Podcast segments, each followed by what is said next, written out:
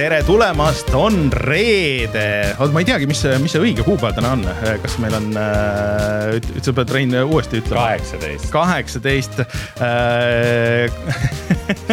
kaheksateist august aastal kaks tuhat kakskümmend kolm ja on aeg puhata ja mängida ja äh, nagu te kuulete, siis kõik on täiesti teistmoodi äh,. me oleme päris füüsilises stuudios ja äh, hoolimata kõigest tundub, et asjad töötavad, kind of.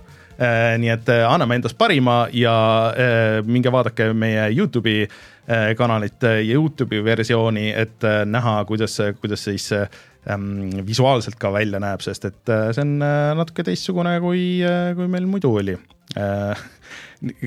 kas heas või halvas.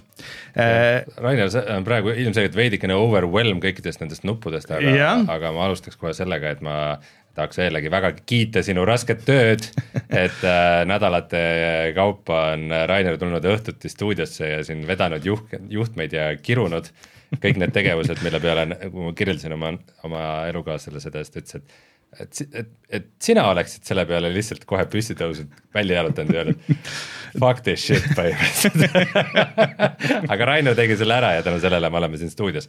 kahjuks küll jah, Martin on üle selle, aga, aga ma, ma jooksen kõigest ette. kõigepealt me peame ütlema oma nimed. ja äh,, nii, mina sain kõik asjad nüüd äh, enam-vähem siia, et äh, mina olen Rainer Peterson ja minuga täna stuudios Rein Soober. no tere. ja tere, Rein ja üle interneti tere. Martin Mets nii. lehvitan ekraanile ma Martin meid ei näe küll, aga Martin meid äh, kuuleb et äh, selline on meie setup hetkel siin äh, ja loodetavasti see kõlab audio kuulajatele ka väga hästi.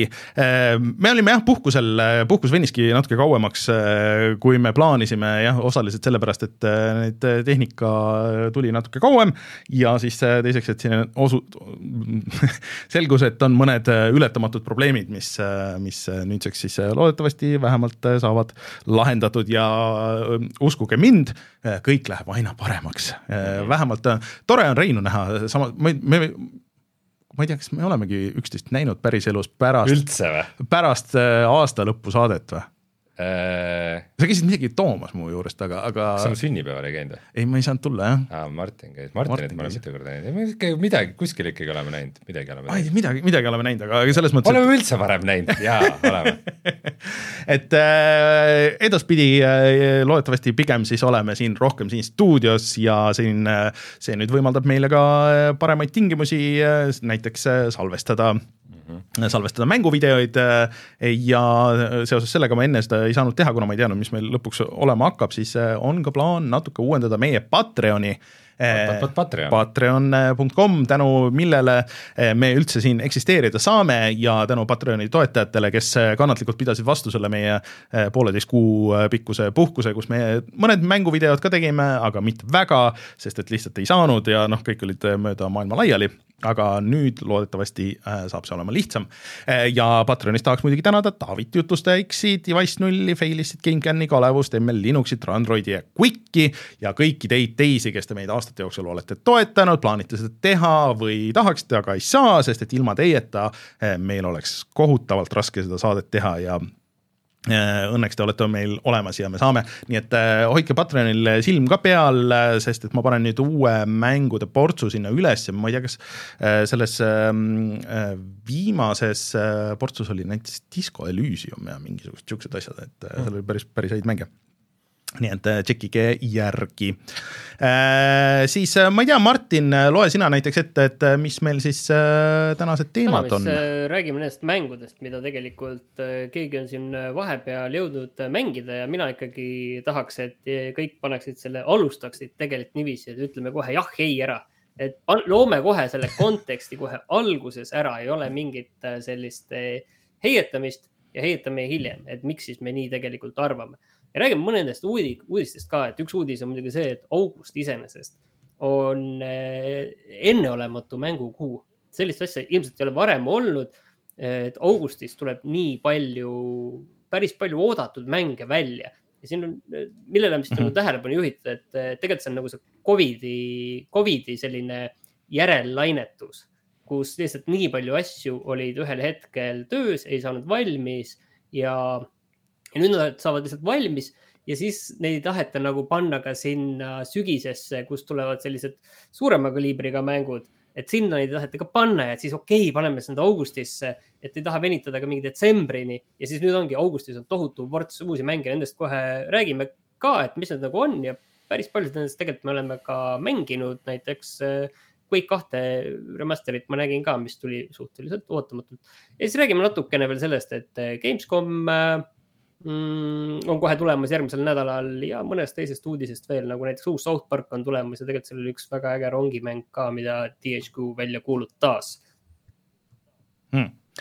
Eh, jah, siuksed teemad, aga oota, eh, kas sa tahad, kuidas sa plaanid nüüd teha seda jah-eid, mis, mis su plaan sellega täpselt on? jõuame sinna, räägime uudised ära ja siis lähme jah-ei kohe, iga okay, asi kohe, kas ja otse loomulikult äh, meil on ka olemas tegelikult Youtube'i kanal, Youtube.com, kaldkriips puhata ja mangida mm.. aga no mõned mänguvideod me siiski vahepeal tegime, oota, mis, mis teil oli? ma tegin vaatas... selle lahti endale. nii, viska need viimased. kaks, millest me täna räägime, siis Sludge Life kaks, millest Rainer minu meelest rääkis enne seda, kui me läksime puhkama. ja siis ja. Pixel kolm, millest vist Rainer rääkis ka enne seda, kui me läksime puhkama ja äh, kõik väga head mängud, mida, mida soovitan tšekkida, siuksed mõnusad suvised indikad, väiksed ampsud, mille saab suht ühe jutiga tegelikult ära teha, kui, kui veits proovida. nii, aga ma siis äh, vajutan nuppu, ma arvan, ja siis äh, tuleme tagasi ja räägime uudistest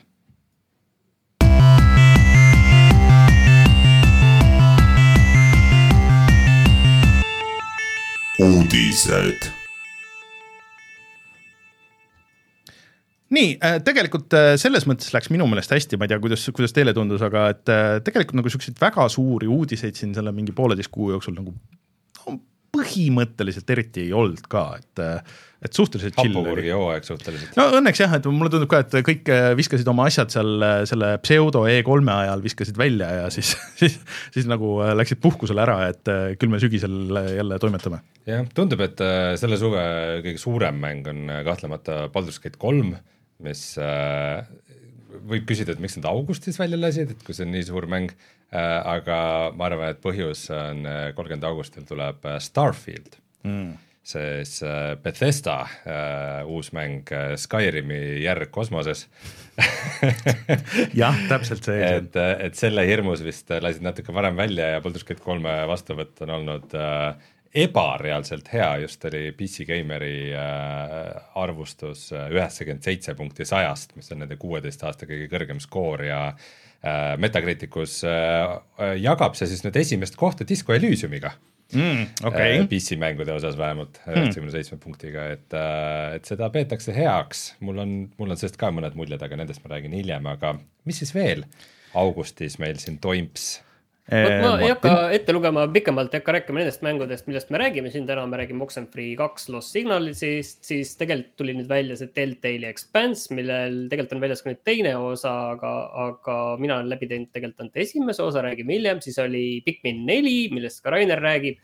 Ja tegelikult oli see Remnant kaks tuli välja, siis tuli mm. välja Thronefall yeah., mis tundus olema selline väga äge majandamismäng Baldur's Gate oleks äh, kirja juba, räägime hiljem.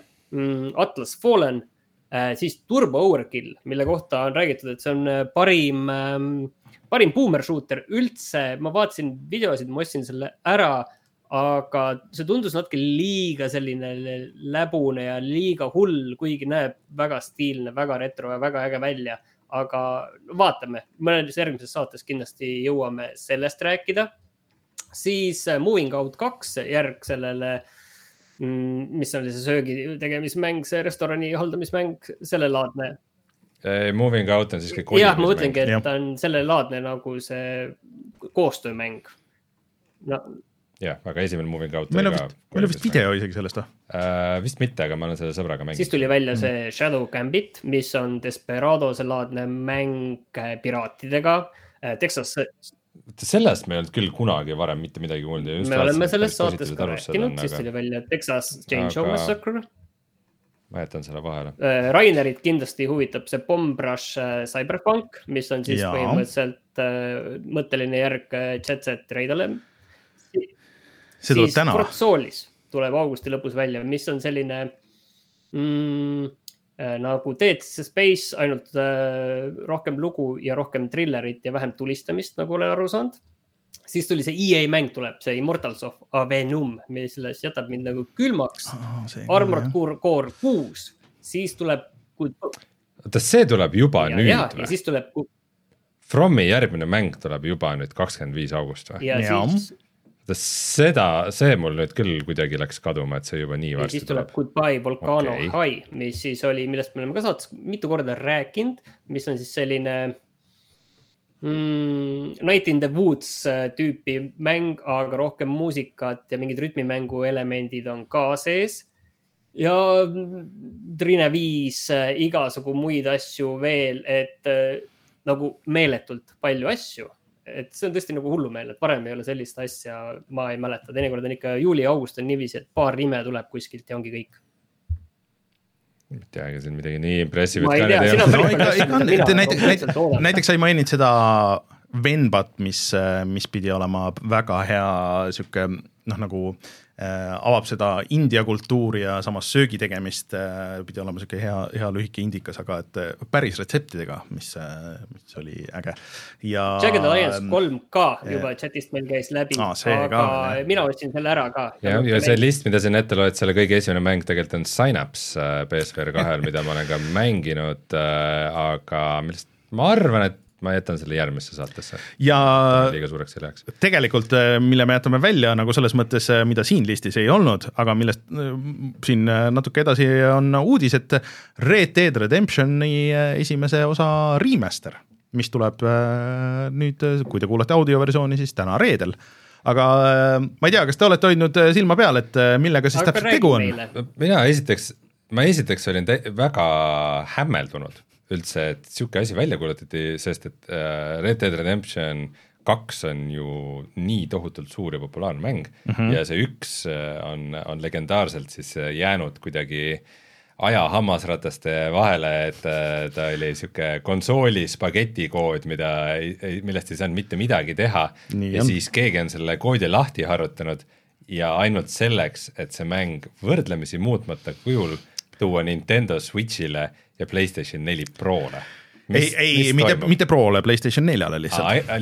tavalisele ka? jah okay., aga vot selles mõttes äh, äh, mõnes mõttes ma saan sellest nagu aru, mõnes mõttes üldse ei saa, on ju, et äh, et vaata, kui see GTA mm, triloogia äh, see mm, remaster kohutav asi tuli, siis sellega seoses oli ka mingit juttu ja mingi leke vist isegi, et ähm, et okei okay,, et Red Deadist tuleb ka midagi. Äh, äh, ja siis see kadus ära ja et väidetavalt, kuna selles, sellel triloogial läks nii halvasti, see võeti nii halvasti vastu, äh, et siis noh, et, et see cancel dati ära aga vist cancel dati ära niisugune nagu niisugune suurem remaster ja point vist, miks see nagu välja toodi, ma arvan, on see, et Xbox ja seda ju Xboxile ei tulnud, et Xboxil sa saad mängida seda originaal kolmesaja kuuekümne versiooni siiamaani ja isegi niimoodi, et seal on need mingid auto upscaler'id ja, ja siis äh, auto HDR-id ja, ja asjad, et et sa saad venitada selle nelja, 4K peale uutel Xboxidel ja, ja see näeb täitsa okei okay välja äh,. Aga Playstationil sa Playstation kolme versiooni mängida ei saa. Äh, selle jaoks sul on vaja seda originaal seda. et äh, okei okay,, et noh, ma saan aru, et see toodi nagu niimoodi sinna. Ja siis see toodi ka Switchi peale Äh, mis iseenesest on ju nagu tore, nad küsivad selle eest äh, viiskümmend eurot, äh, aga sellega seoses on ka ära võetud näiteks mitmikmäng, mis mul täitsa meelest oli läinud, et see üldse nagu oli seal originaalis, aga samas on juurde pandud ka see, see zombi DLC, mille ma tegin läbi, mis oli nagu päris hea. Aga mida nüüd ei ole, on siis PC versioon, et kõikidel konsoolidel sa nüüd siis saad seda mängida, aga, aga mitte PC-l et äh, Switchi mänguna see on ju päris tuus, noh, ma oleks saanud ka aru, kui see oleks ainult Switch'il, muidugi inimesed oleks olnud siis veel, veel kurjemad võib-olla, aga aga et, et et äh, vaadates seda täna ilmunud Digital Foundry esimest niisugust väikest analüüsi, siis noh, sellega on tehtud minimaalselt, et need tekstuurid on samad, need põhimõtteliselt mudelid on samad ja lihtsalt on mõned tänapäevasemad noh, need FSR on nagu sisse pandud ja, ja mingisugused niisugused asjad, et et noh, et ta ei ole kindlasti nagu halvem versioon kui see vana ja kui sa ei ole kunagi mänginud või tahad uuesti mängida, siis äh, why not, aga et ähm, mingit väga suurt effort'it nagu sellesse pandud ei ole et iseenesest naljakas on see kõik, et ma alguses olin nagu väga segaduses, et miks see PlayStation nelja peale tuleb, aga, aga siis ma sain aru, et aa ah, okei okay,, PlayStation nelja versioon siis nüüd töötab ka PlayStation viie peal. et, et noh, no ok.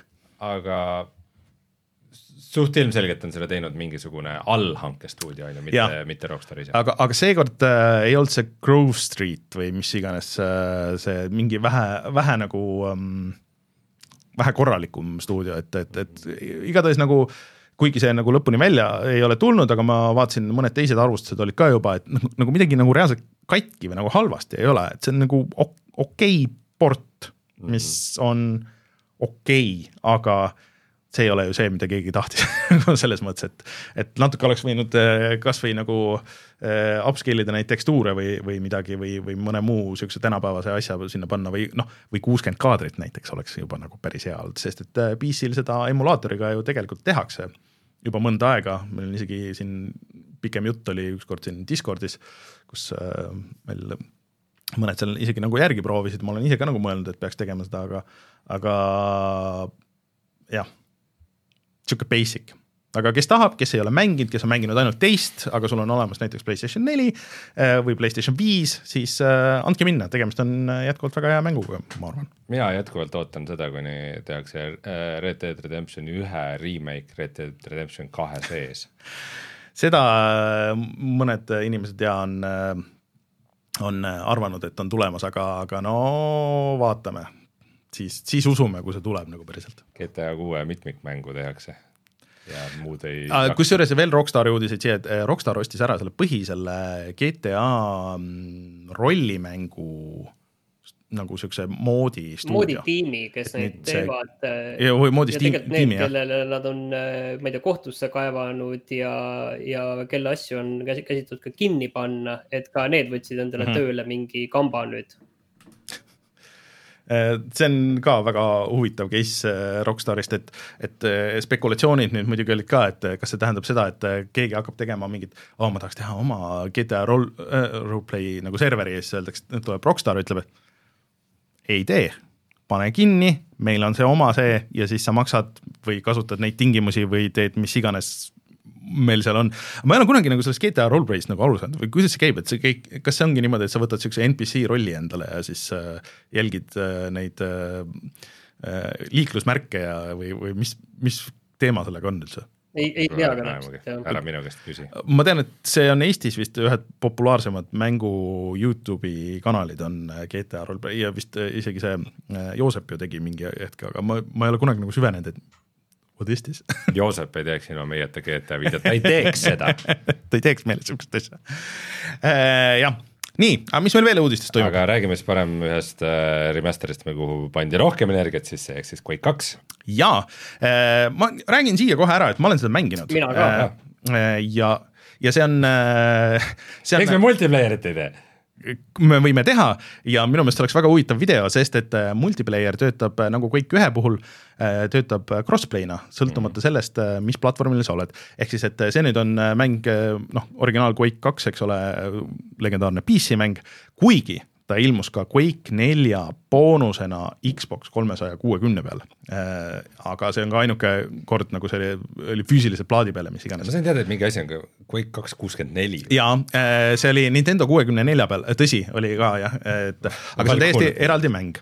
Äh, aga nüüd see remaster siis on kõikidele originaal Quake kahe omanikele tasuta PC peal Äh, maksab muidugi mingi kümme euri. kümme euri jah, on konsooli peal ka või siis kui sa oled Gamepassis Xbox'is, siis on ka tasuta, ka arvutil.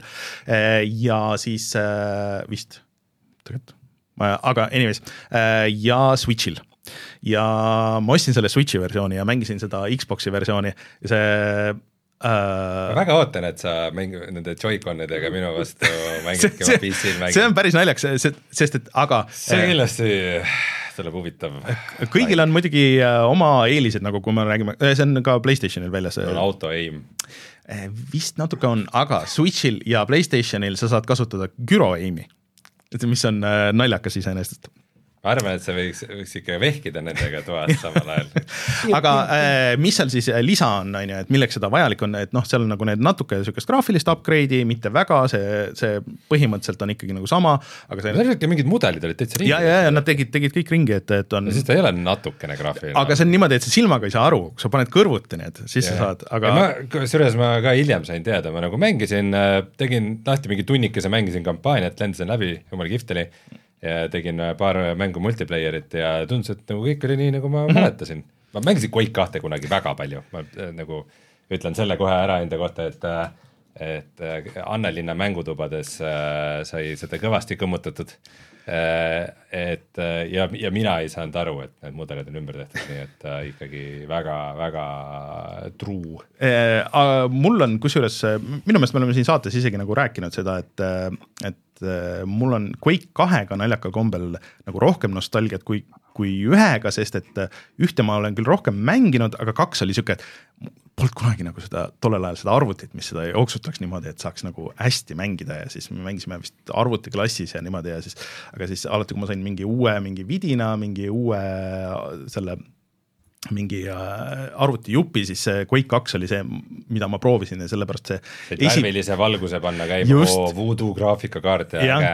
ja et äh, selles suhtes, et äh, see on kõik need, et seda esimest levelit ma olen nagu nii palju mänginud, mis oligi nagu naljakas, et ma nüüd hakkasin seda mängima, vaata, mis see nagu kas ma tõesti nagu ei ole nii kaugele jõudnud või et mingid asjad, mida ma nagu ei mäleta, aga siis selgus, et nad ongi laiendanud seda, et nad leidsid sealt failidest seda äh,, selle nagu esimese leveli nagu mingid osad, mis olid lihtsalt äh, valmis tehtud, aga millegipärast nagu polnud sisse pandud äh,. ja see esimene level ongi nagu suurem, kui ta originaali versioonis oli.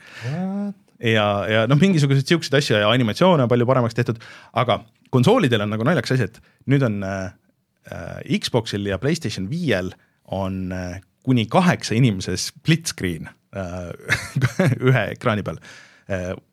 ja Switchil on nelja inimese split screen Äh, mis tundub väga naljakas. Äh, kujutad seda ette, kuidas kaheksa ekraani on, on nagu jaotatud. Äh, sul peab kaheksa pulti olema. sul peab olema kaheksa pulti ühendatud jah, ma ei tea, kellel on kaheksa pulti. kuidagi nii ei saa, et üle, üle neti mängid sõbraga, aga olete ikkagi samal ekraanil nagu või? niimoodi ei saa vist, et see on ikkagi nagu local go-op, et. Aga, aga see on äge lisa äh,, aga mis mulle nagu hullult meeldis, on, ma ei tea, kas te olete vaadanud seal, on see mm, äh, nii-öelda arhiiv äh, kus on igasuguseid siis noh, nagu neid concept art'e ja igasuguseid asju ja siis on mängitavad demod, et nad on sinna pannud näiteks äh, E3 üheksakümmend seitse aasta demo nagu sinna sisse ja mingid teised ja siis noh, videod, aga, aga nagu, et sa saad minna ja mängida, mis on megatuus, et äh, siukseid asju võiks, võiks küll olla rohkem. Ehm, ja Xboxil ta jookseb ka, et kui sul on sada kakskümmend FPS ekraan, siis ta jookseb sada kakskümmend FPS, 4K ja see puldiga kontroll, noh, ma mängisin nii single player'it kui multiplayer'it, aga noh, selles mõttes töötab ja ta on nagu hästi, aga see oli Quake ühe selles remake'is ka, et, et, mhm. et see on väga hästi asja, tehtud. kui sa räägid, et väga hästi tehtud, seda ma tahaksin öelda, et äh, täna ma peame siis äh, Atarit jah, et see on siis äh, Night Dive'i tehtud jällegi, kes, kelle Atari ära ostis Aa. tegelikult ju et see on väga, väga Tõsi. huvitav selline pööre asjadel. aga mina mängisin ka seda natukene ja tahtsin öelda, et väga okei okay,, väga tore, eriti tegelikult ma seda kampaaniat ei teinudki, ma tegin neid, äh, seal on äh, erinevad need lisapakid, mida mõnda isegi ma ei ole mänginud varem ja see on nagu isegi minu jaoks oli huvitav. ma ei ole ka neid lisapakke mänginud Nad olid suht kummalised ka, need relvad olid seal nii veidrad ja. seal oli äh, siis kaks seda originaal lisapakki, siis nüüd äh, üks uus täiesti äh, Machine Games'i tehtud lisapakk ja siis see Quake kaks kuuskümmend neli mm, -hmm. mis oli siis Nintendo kuuekümne nelja mäng, et ma nüüd olengi mänginud niimoodi, et Xboxil ma mängisin seda originaalkampaaniat ja siis Switchi peal ma mängin seda Nintendo kuuekümne nelja kampaaniat, sest et nii sobib mm. -hmm. aga et see on cool ma ühe asja pean muidugi ette heitma, et siin ainult nagu äh, niisugune kiidulaul ei oleks äh, ilma asjadesse süvenemata, et äh, kui ma mängisin multiplayer'it mm, -hmm. siis esiteks oli see, et multiplayer'il oli lobi, mida yeah. kindlasti vanasti ei olnud, siis nagu seda lobi ei saa kuidagi varem, vist ainult host saab käivitada või midagi, et see oli niisugune suht nagu nõme arhailine süsteem. ja, ja siis, kui sa lähed mängu sisse see on see, et mitte keegi ei saa liituda poole pealt ah.. nii et äh, mis ikkagi tavaliselt juhtus, oli see, et nagu, nagu ootasid, ma ei tea, sa ise ootad nagu, et mõtled, palju me siis inimesi nagu ära ootame, okei okay,, kaheksa, lähme kaheksaga mm -hmm. sisse ja siis inimesed järjest tilguvad välja ja juurde kedagi ei tule, mm. et äh, see oli tegelikult ikkagi nagu päris nukker no,. et, et pigem nagu eelistaks vanakooli süsteemi, kus sa, kus sa paned join, lendad mingisse suvalisse mängu ma, sisse oota, ei, aga ja nagu... siis ta nagu luubib mingisugune kaartide rotatsioon või midagi. aga kui ma nüüd mõtlema hakkan, siis ma Xbox'il küll läksin ja ma võtsin lihtsalt äh, suva need äh, serverid võtsin ette ja vaatasin, kus vaba ruumi oli ja hüppasin sisse lihtsalt. mina ei saanud vist sisse suvalistesse igatahes mingid, mingid veidrust seal on, et aga vana Quake jääb kindlasti see võiks olla nagu sujuv. et kellele see ei meeldi, saab seda vana, vana Quake kahte edasi mängida, et, et see ei kao kuskile mm.. et ei ole niisugune, mis ära kaob nagu selles mõttes. aga nad on ju Steamis, on sama mäng äh,. jah, aga seal kuidagi äh,, kuidagi jäi sinna alles. sa saad valida, kui sa käivitad, äh, siis launch option'ite all on see, et sa saad seda originaali ka mängida. aa -hmm. Okay. et, et minu meelest selles mõttes igati õigesti tehtud äh, see. Ja, ja noh, Night Dive ikkagi äh, teeb head tööd, ei ole midagi öelda, see Roti remake tuli ka ju vahepeal, mis äh, oli ka nende tehtud ja väidetavalt ka väga hea. Okay.. Rise of the Triad siis, aga mm, jah, kellel Quake on olemas, Quake kaks tähendab siis mingi update ige oma Steam'i library't ja, ja siis, siis see peaks sinna ilmuma ja proovige järgi, see on väga cool. aga tead, üks asi, mida, et ma mängisin seda, siis ma mõtlesin, et kurat, et mis tänapäeval oleks Quake, on ju, et uus Quake. ja mida rohkem nagu seda esimest, seda kampaaniat edasi mängisin, siis mõtlesin, kurat, Doom Eternal on ikka nagu, see on ikka mingid asjad väga võetud Quake kahest otse. et kõik see, see põhibaas, vaata, mis sul Doom Eternalis on, see on, see on nagu puhas Quake kaks tegelikult, et äh, ega siin nagu äh, noh, kuidagi see feel on nagu selles mõttes, et no,. Äh, mul oli see, et äh, kaks tuhat kuusteist Doom mulle ei meeldinud, Doom Eternal väga meeldis, et äh, minu lootus on, et järgmisena nad teevad ikkagi Quake'i remake'i. kõige esimese Quake'iga mul pole mingit sidet, kuulge, aga lähme edasi, meil on palju teemasid tempokalt, järgmine South Park, jah või ei? võib-olla, see nägi, see on 3D ja nägi väga veider välja. see 3D nägi tõesti kummaline välja. et ähm, alapealkiri on siis Snow Day ja nelja mängija koop, äh, praegu on tegelikult, mina selle koha pealt ei oska tegelikult selle kohta midagi väga positiivset öelda, mis seal näidati. kes see stuudio oli? Äh, noh, THQ käes on igal juhul nagu selgub need õigused igal juhul, kui varem mäletate, tegi Ubisoft. no nagu ikka jah. aga kes seda teeb täpselt, ma ei oska öelda äh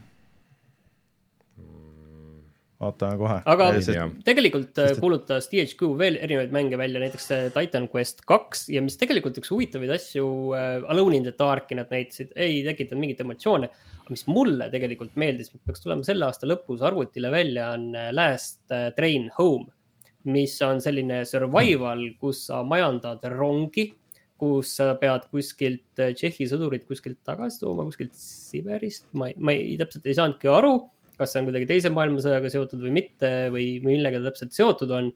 aga tundus äge selline Frostbanki vibe'iga asi, soovitan seda treilerit äh, vaadata, seal näidatakse ka päriselt mängu erinevalt äh, paljudest teistest tänapäeva treileritest, et, et see Last Train Home, mulle see jättis väga hea mulje.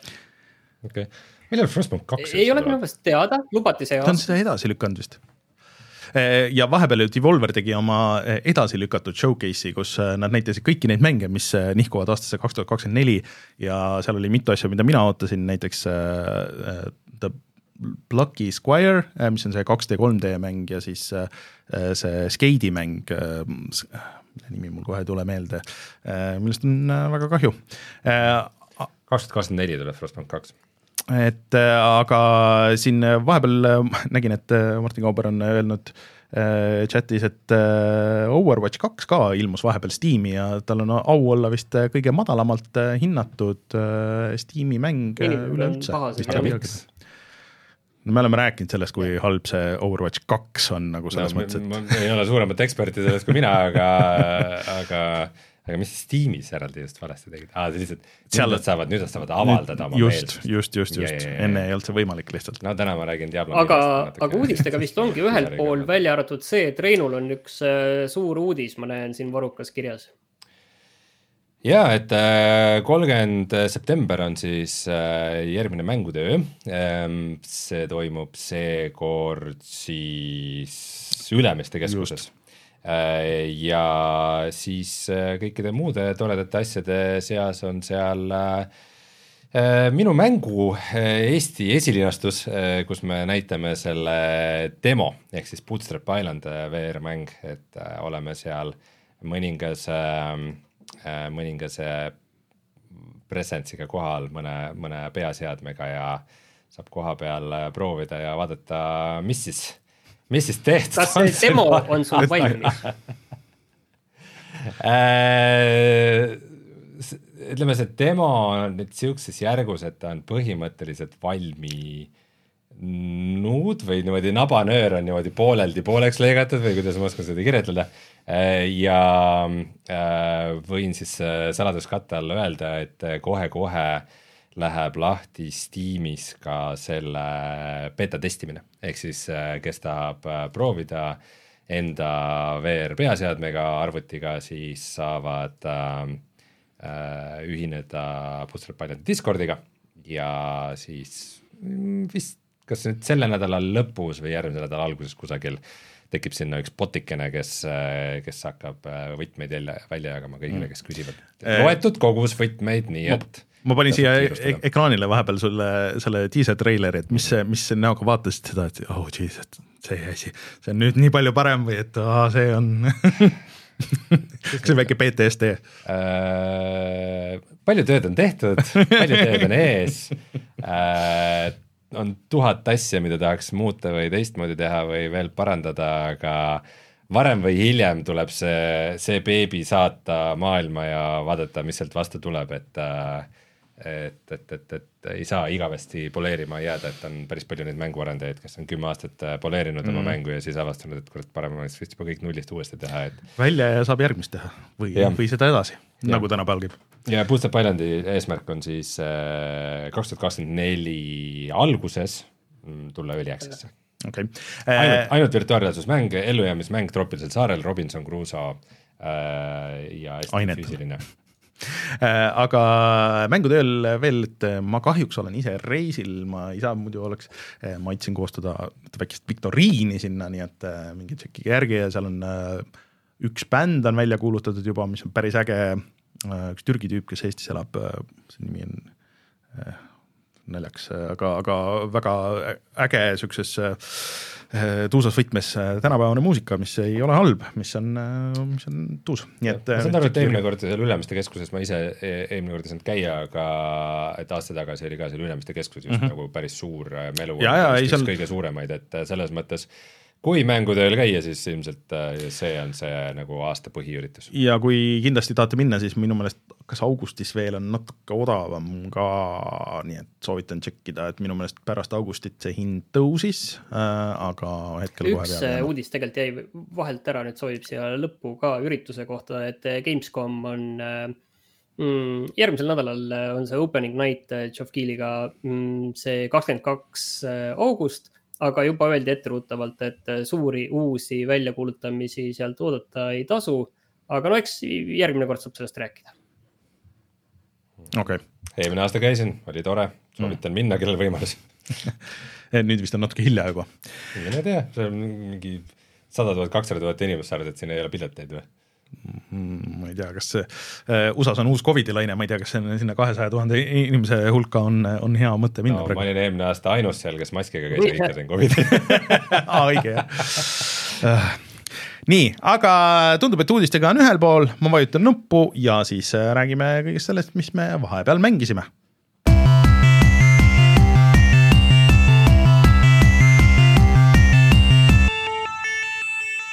retro jätsid ka vahele. ja, ma tegelikult on äh, retro lahti ja tegelikult ega nüüd liiga palju midagi no. huvitavat ei olnud, välja arvatud üks äh, ajalooline hetk oli, et äh, Don Matrick siirdus Süngasse.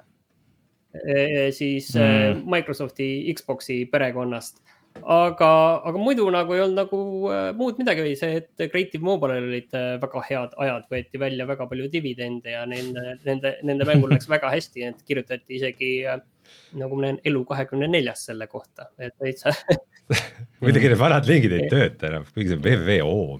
aga muud midagi väga huvitavat ei olnud, et vaatan, et Rein mängis Last of Us'i. aga ja, ja mina mängisin Walking Deadi nelisada päeva, see on four hundred days veidrat lisapakki, aga, aga muidu jah, ma arvan, et siin ei olnudki midagi liiga huvitavat Läheme edasi. aga ma ei tea, et lähme siis kohe selle kõige suurema mängu juurde mm, -hmm. mille, mida me korra juba mainisime, et meil tegelikult on äh, mitmeid videoid juba aastate tagant, kus te mängite Joosepiga äh, seda, selle suve kõige kuumemat mängu, Baldur's Gate kolm mm, -hmm. aga kas sa nüüd oled mänginud seda, seda nii-öelda üks punkt null versiooni või see on juba üks punkt, punkt, punkt, punkt, punkt, punkt midagi? olen, olen Äh, natukene taustalugu, äh, Baldur's Gate üks ja kaks olid minul äh, teismelise põlves väga defineerivad mängud. Mm., kui Baldur's Gate kaks on niisugune tohutu suur mäng, mida vähesed on lõpuni teinud, siis mina tegin ta kaks korda läbi, teinekord soolos. Ja ähm, kuna ma tollal ka mängisin Dungeons and Dragonsit ja olin Dungeon Master, siis see oli kõik mulle väga, väga südamelähedane ja väga oluline. Ähm, aga Baldur's Gate kolm on nüüd selles mõttes huvitav, et selle teeb niisugune stuudio nagu Larian, kes enne tegi siis Divinity seeria mänge, äh, kaks osa, Divinity üks ja kaks. ehk siis justkui ongi, et, et nagu, et, et see on korraga nagu Divinity kolm ja Baldur's Gate kolm, et ta okay. ei ole nagu ainult üks või teine. Äh, aga eesmärk on neil ilmselgelt teha niisugust läbi aegade defineerivamat niisugust äh, Dungeons and Dragonsi mängu, kus sa, kus sa saad kõiki klasse valida ja kõike teha ja sul on hästi palju valikuvabadust igal pool ah,. siin oli tore, sa panid mängima just selle toreda bugi, kus meil terve mingi linn meid ründas ja mm. kõik quest'id ja asjad, kõik läks katki selle peale, polnud õrna aimu, mis toimub äh,.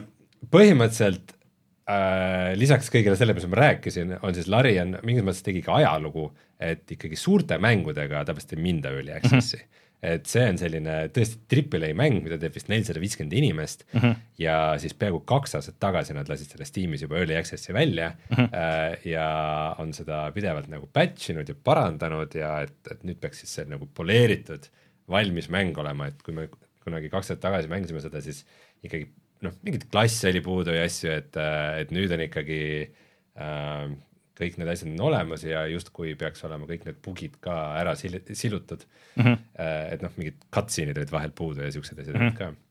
ja ma panin selle mängu käima äh, ja põhimõtteliselt esimene tseen, kus sa näed oma tegelast, ta on siis äh, illitiidide kapslis äh, kinni äh,, siis äh, tegelane seisis enam-vähem T-poosis pool keha sealt kapslist väljas ja pärast mingid pooled animatsioonid, kuidas ta sealt äh, Äh, laevast alla kukkus ja olid ka nagu täiesti mm. mingid T-poosid asendist oli, et ja mm, ühesõnaga nagu kõiki bugisid nad nüüd päris kindlasti korda pole teinud, et nagu. ma olen kuulnud, et eh, mida. poleerimine ikkagi ei ole päris. et mida mäng edasi veel ka, et kui sa jõuad sinna umbes mingi kolmandasse chapter'isse, et siis soovitatakse, et kuulge, et tehke neid mingeid pikke reste või asju, et muidu hakkab mäng järjest halvemini jooksma, et, et, et ja et noh, et seal lõpupoole nagu natuke asjad on. Rein, aga jah, jah või ei? ja see on kõvasti Hotbar tsitati ka. aa, õige äh,, jaa, kindlasti jah, et äh, ikkagi selle suve kuumem mäng, et ma nüüd seda, seda üks punkt nulli olen vähe mänginud, aga äh,, aga noh, mõned, ma nagu väga pikalt ei heieta, aga, aga mõned tähelepanelikud, tähelepanekud mul on, et Äh, tegelase loomine on väga vahva etapp asja juures, mis peakski nagu rollimängus olema, aga sul on siis äh, valida ähm, paljude erinevate rasside ja karakterite ja kehatüüpide ja tätoveeringute ja kõige selle vahel mm. -hmm. ja ähm, mis, mida ma ei olnud enne kuulnud ja mis mind ikkagi nagu rabas totaalse üllatusena, on see, et äh, kui tavaliselt ikkagi nagu rollimängudes on nagu valik mees või naine, siis seekord ei ole et äh, sul on kehatüübid mm, -hmm. mis noh, ilmselgelt on nagu rohkem ke naise või mehe kehatüüp. Ja siis, siis sa valid oma genitaalid. Ja reaalselt sul on valik, et, et nagu kas peenis üks, kaks, kolm, neli või vulva üks, kaks, kolm. Ja ma, ma ei olnud valmis selleks, see, see, see nagu šokeeris mind, alguses küll mäng nagu küsis, et kas sa soovid nagu näha noh, täiskasvanute mõõdetud asju, mõtlesin, et jah, võib-olla pärast on mingisugune cutscene või midagi, et mis seal ikka. Aga see, see, et äh, põhimõtteliselt äh, kui, kui vanasti äh, üheksakümnendatel pidi mängudele kuskilt alla laadima nude moode, siis praegu sa saad ükskõik mis oma tegelase võtta iga hetk tema inventory's, võtta tal riided ära ja siis aluspesu ära ja mm. siis sa võid põhimõtteliselt kogu seikluse teha läbi nagu alasti. mulle, mulle meeldis, et äh, mingid see, see oli minu jaoks pisut jahmatav. no ekraanil praegu on, äh, on karu, kellega vist ma saan aru, et sa võid ka vahekorda astuda, mis on meemiks saanud, aga PC Games oli üks artikkel, kus nad kurtsid, et, et võib-olla neid vahekordi seal on isegi nagu natukene liiga palju, et nagu, et iga Too horny. et jah, et vahet pole, et mis soost äh, mingid äh, grupikaaslased on või niimoodi, vaid ikkagi tahavad kohe sängi pugeda mm., et äh, ma ei tea, ma veel ei ole nii kaugele jõudnud, et ise selle kohta otsust teha, aga, aga see on huvitav, et see aspekt on ka olemas, sest vaata kogu aeg on olnud mingis Mass Effectides, et sul mm -hmm. on mingid tegelased, kellega saad romance'i teha, aga Baldur's Gate kolm paneb ikka nagu gaas põhja nagu jumala suva, teeme, teeme, mis vaja teha um, siis äh, varane mäng on ikkagi suhteliselt lineaarne. Mm, -hmm. mina tegin omale Trau Elfist äh, mm, Rangeri, ehk siis ma saan lasta vibuga või ka äh,, või ka mõõgaga lüüa kui lähemale satub mõtlesin, et sihuke hea konkreetne tegelane, et need äh, kõik maagid ja asjad on natuke. aga sa tegid täiesti uue, et sa ei läinud selle sama karakteriga edasi? ei, ei, ei nagu kahe aasta tagune, noh pluss me Joosepiga kahekesi mängisime koos ka, et ma ikkagi no, okay. hakkasin, hakkasin nagu nullist ja algusest pihta, tegin uue tegelase. ja nagu üks huvitav asi, mida ma ütleks, et nagu väga paljud, ma tean, minu tutvusringkonnast ka üritavad nagu sõpradega mängida, et mm -hmm. nagu nad teevadki koos kampaaniat äh,.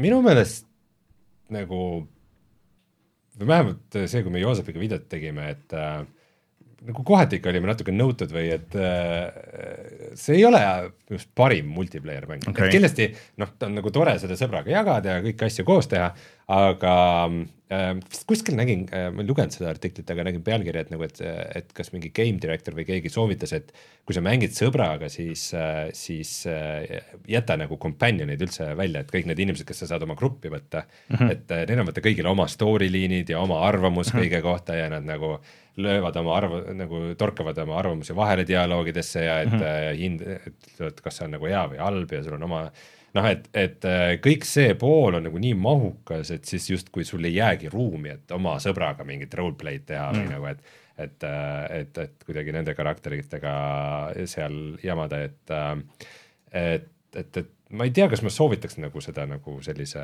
sellise seltskonnamängu, sest noh, pead seal oma mingite spellidega tegelema, lugema nende spellide tekste ja nagu neid manageerima mm. ja oma inventory manageerima ja, ja kõiki siukseid asju, et siis siis äh,, siis sõbraga mängimine, noh, ta ei ole nagu väga sotsiaalne mm -hmm. kogemus selles okay. et aga, olge, olge hoiatatud. aga no sellest on nagu nii palju ka räägitud viimased, et noh, et see on nagu Elden Ringiga, et mul on nagu natuke tekkinud siuke, ah kurat, et kõik kiidavad nagu, et see on nagu nii hea, et võib-olla ma peaks vähemalt nagu proovima, et see on nagu sihuke teine, nagu teist tüüpi täiesti mäng, aga mis sa arvad, kas see oleks midagi sihukest, mida lihtsalt proovimise pärast proovida ma arvan küll, sest et noh mm., tegelikult on ikkagi ju, ta on, vaata need production value'd on nii kõrged, kõik on 3D-s, kõik äh, dialoogid on sisse loetud mm., kuigi mul see story, nagu see main story äh, ei ole mind nagu liiga palju köitnud, siis ma pean ütlema, et paar nagu tegelast, äh, kes sul on, need companion'id, et nad on nagu päris huvitavad ja mm. isegi tekkis tunne, et nad on nagu mingid päris karakterid, kellel on mingid mm. oma arvamused asjade kohta ja, ja et mingis mõttes noh, sa võid seda täiesti mängida kui siukse, siukest nagu story'ga action mängu põhimõtteliselt mm., kui sa, kui sa valid omale sellise tegelase, et äh, kellega noh, kes ei ole mingisugune väga keeruline maag, et sa ei tee mingit, põhimõtteliselt sa saad ju multiklassida ka, sa võid mm -hmm. ju mingit maagi ja, ja ranger'it kombineerida okay. ja umbes äh, mingeid huvitavaid kombosid ja hmm. asju teha seal, mis võivad ilmselt mängu täiesti katki teha. aga kui sa ei taha nii sügavuti minna, siis kindlasti seda saab ka nagu palju pealiskaudsemalt nagu see story mänguna mängida, et mina mina ütleks küll, et see on just selline, selline mäng, mida saab mängida nagu äh, üsna nagu noob, kui ka nagu täielik mingisugune DnD veteran, kes teab kõiki, kõiki reegliraamatuid nagu totaalselt peast okay., et selles mõttes, selles mõttes on ta äge äh, ja ma ei tea, eks ma mängin edasi ja jagan oma elamusi edasi, aga, aga põhimõtteliselt äh, on niisugune vahva ja grandioosne mäng, et äh, kuna ma olen ranger, siis ma saan näiteks loomadega juttu ajada, ma mõistan loomade keelt Aha. ja loomad on mitu esimest tundi mängust ma ei kohanud ühtegi looma, see on nagu teed rangeri, siis tavaliselt on see vaata, et äh, kui sa teed mingi klassi, siis kuskil äh, selliste mängude alguses on mingisugune üks asi, et sa saad nagu tunda, et sa oled ikka see klass mm. -hmm mitte midagi. Isegi mitte ühtegi mingit linnukest ega midagi, et nagu tunde hiljem oli see, kui ma sain, tekkis järsku mingisugused äh, kuskil külas mingisugune rott kuskil, nagu reaalselt mingi äh, kuskil mööda küla jookseb rott ja siis nagu uh, häid jutte taga ja siis äh, mu hammas valutab. Ja siis räägib sulle, kus, kus on mingid kõige maitsvamat sööki saab umbes linnas mm. ja mingeid siukseid asju, et äh, et äh, seal seda sisu on, on ikkagi äh, päris, päris palju, jah hmm..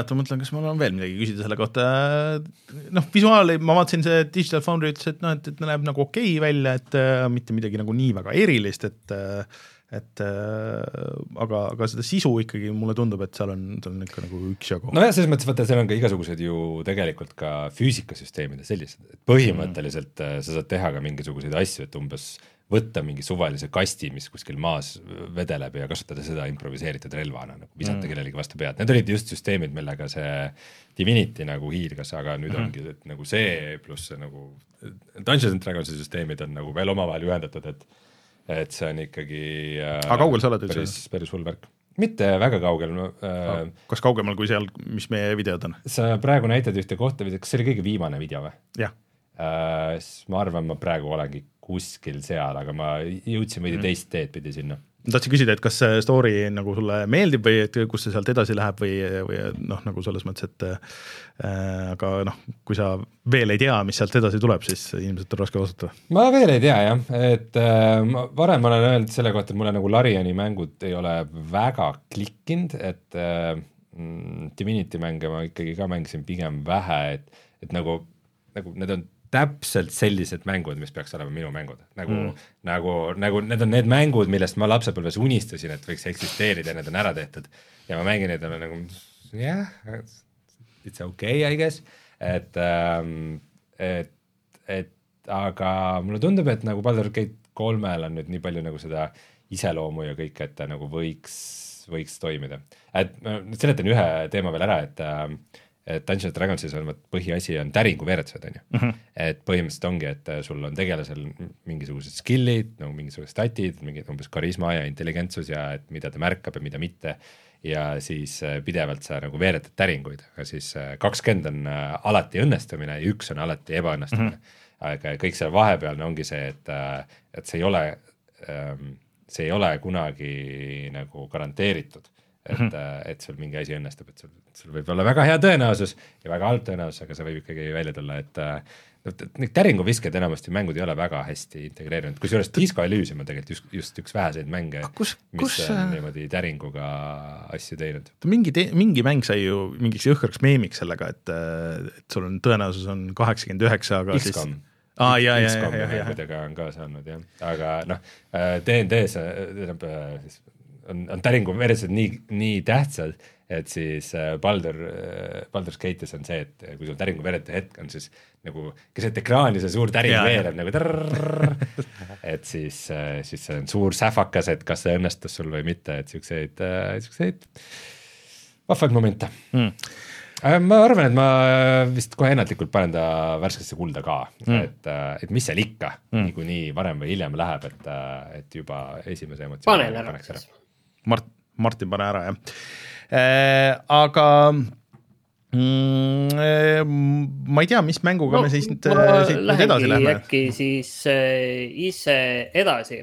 mina olen siin, võtaks ette no. nagu kaks mängu äh,, tegelikult Oxenfree kaks ja siis äh, The Expanse ehk siis üle tüki aja üks äh, Telltale'i mäng ja mm et kohe jah, ei ära öelda, siis äh, Oxenfree kaks äh, saab jah ja The Expanse äh, saab esialgu ei, aga, aga see on alles varajase, varajase info koha pealt. võib-olla see Expanse on isegi nagu huvitavam, sest see tuleb välja viie episoodina. mina olen mänginud esimest episoodi ning nende episoodide vahe on ainult kaks nädalat. et nii väikest hmm. vahet pole kunagi olnud ja muide, seda teeb siis eh, Tech9, kes on teinud tegelikult ju eh, Life is Strange'i eh, neid spin-off'i. aga mm -hmm. The Expanse, noh, ta on täpselt see Deltali mudel, mis on kogu aeg olnud. see on siis selle väga tuntud Skifi seriaali põhjal tegelikult, mis on siis selline äh, tulevik, inimesed kosmoses, aga, aga mis on just seal see point on see, et ta on nagu suhteliselt nagu realistlik ja teaduspõhine, et ta ei lähe nagu hulluks ära, seal ei tule kuskilt, äh, vähemalt nii palju, kui mina tean, äh, mingit äh, kaheksa mm, käega tulnukaid ja nii edasi ja nii edasi, et ta on selline realistlik ja, ja mis on erinev siis seal tegelikult sellest, mis Deltail on varem teinud, on see, et äh, noh, ikkagi on äh, tegelased, tegelased, osad on tuttavad seriaalist, osad mitte.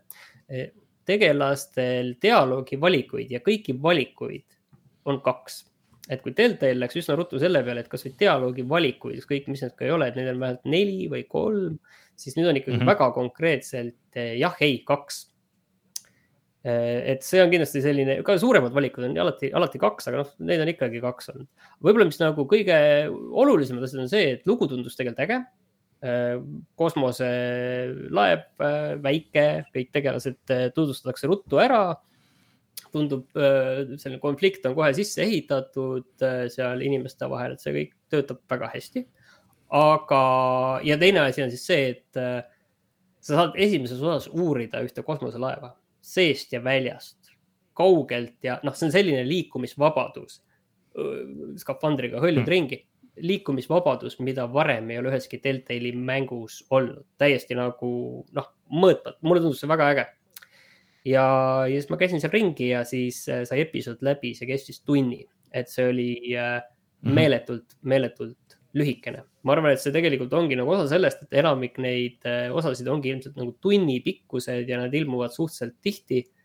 ja tegelikult mõnes mõttes mul jättis see nagu positiivse mulje, aga lihtsalt, kui ma nagu reaalselt seda asja vaatan, siis ma nagu ei saa nagu selle esimese osa pealt jah ka öelda ja võib-olla tegelikult üldsegi on nagu vara kokkuvõttes veel midagi öelda, tegelikult teine osa tuli välja kümnendal augustil, et äh, aga see on nagu need vanasti need äh, Deltali mängud olid, et sa saad osta ühe osa ei, kaupa või sa ostad terve selle hooaja? pluss sa saad osta mm., kui sa ostad selle nii-öelda selle oh, mingi kallima versiooni, ma ei mäleta, mis selle editioni nimi oli, siis sa saad tegelikult veel mingi lisaepisoodi, aga mina ostsin selle tavalise, tavalise versiooni ja ta oli päris kallis ikkagi, ma ei mäleta, kas kolmkümmend või nelikümmend eurot või noh, selles mõttes, et kui need on sellised tunni pikkused, et äh, ühesõnaga ma nagu mängin seda kindlasti edasi, ülejäänud osad ka ära aga see noh, tuleb olla nagu mõnes mõttes nagu ettevaatlik, et seal on vähem valikuid ilmselt ja vähem noh, ka sellist näilist valikut. aga, ja see on lühike, et ta on tõesti nagu, see sai tõesti läbi enne sisuliselt, kui ma jõudsin nagu sinna aru saada, et mis seal nagu toimub, on ju. Oxenfree kaks, Lost Signals, seda, kui ma ütlesin selle aasta alguses ka, et mis mänge ma ootan, siis see oli üks nendest Äh, sama, mõnes mõttes väga sarnane mäng, et võib-olla ongi nagu sellisest Deltali loogikasse välja arenenud, lihtsalt tegemist on äh, äh, külje pealt vaates 2D mänguga väga ägeda sellise kunstilise stiiliga, kus esimeses osas lahendati ühel väiksel saarel, noored lahendasid mõistatust, et mis seal toimub, mingid aja ja dimensiooni-nihked Äh, nüüd äh, siis äh, ja kuskil on võib-olla mingid tulnukad, võib-olla nad hoopis kuskilt mujalt. ja nüüd teises osas vaadatakse seda asja natuke kaugemalt, kõrvalolevalt saarelt ja inimesed on, vähemalt peategelased on natuke vanemad. aga mulle see lugu ja see ikkagi kogu see dialoog ikka nii meeletult meeldib, kui hästi see on tehtud. selline mm., selline loomulikkus on seal sees ja see on tõesti, ma arvan, et üks paremini ja niiviisi sujuvamalt kirjutatud mänge, mis nagu ikkagi üldse, mida ma tean. see on hästi äge, kasvõi on see, et noh, mäng isegi näitab sulle seda, et kui sa lähed ühelt nii-öelda mingit saare osalt, sa lähed teisele saare osale, siis noh, mingi dialoog jääb pooleli sul tegelaste vahel, siis see dialoog pärast seda laadimisekraani läheb sellest kohast edasi. see mäng isegi ütleb sulle, et ja sa võid julgelt minna sinna teisele ekraanile, see dialoog läheb edasi, sa ei jää nagu millestki ilma. ja siis on see, et kui te mingisse kohta jõuate või keegi, raadiosaatja on seal väga oluline, kui raadiosaatjast vahepeal tuleb mingi sõnum vahele, siis kasvõi ja mingi jutt jääb enne pooleli, siis on ka, et oh sorry, enne meil siin see asi jäi pooleli ja see kõik on nii loomulik see on nii loomulikult tehtud, et see on väga-väga äh, äge. seal on ka mõned valikud mm., mingid erinevad tulemused, mis võivad tulla. Mm, et äh, kokkuvõttes lõpptulemus kõik mulle meeldis üllataval kombel isegi see oli natuke pikem kui esimene osa tegelikult, et.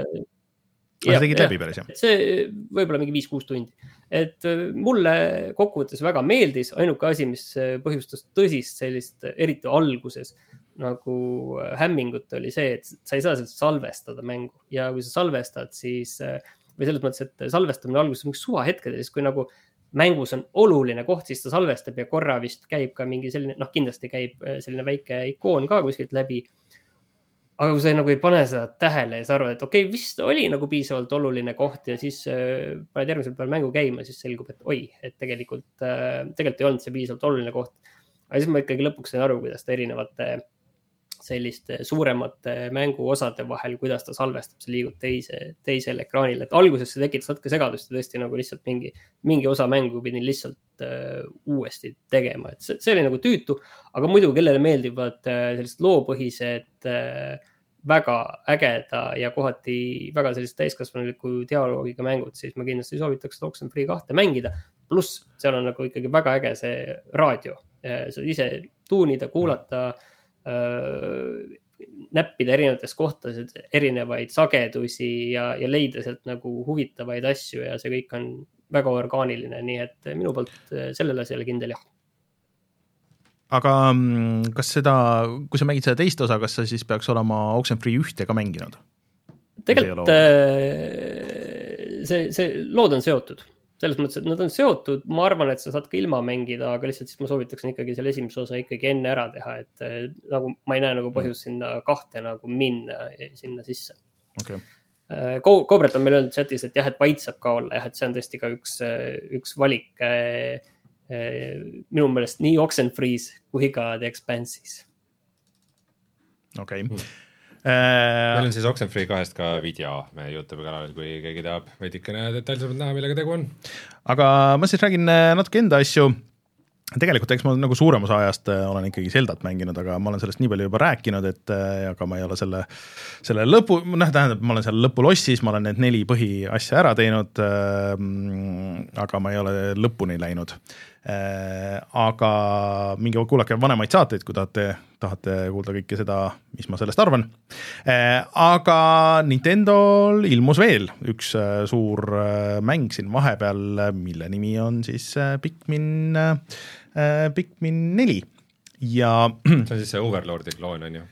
Overlordi kloon, no põhimõtteliselt küll jah, tegelikult, et kus sina oled Äh, sihuke kosmoseseikleja, kes maandub äh, planeedile, siin asjad lähevad halvasti, kõik su sõbrad lendavad ka äh, mööda ilma laiali.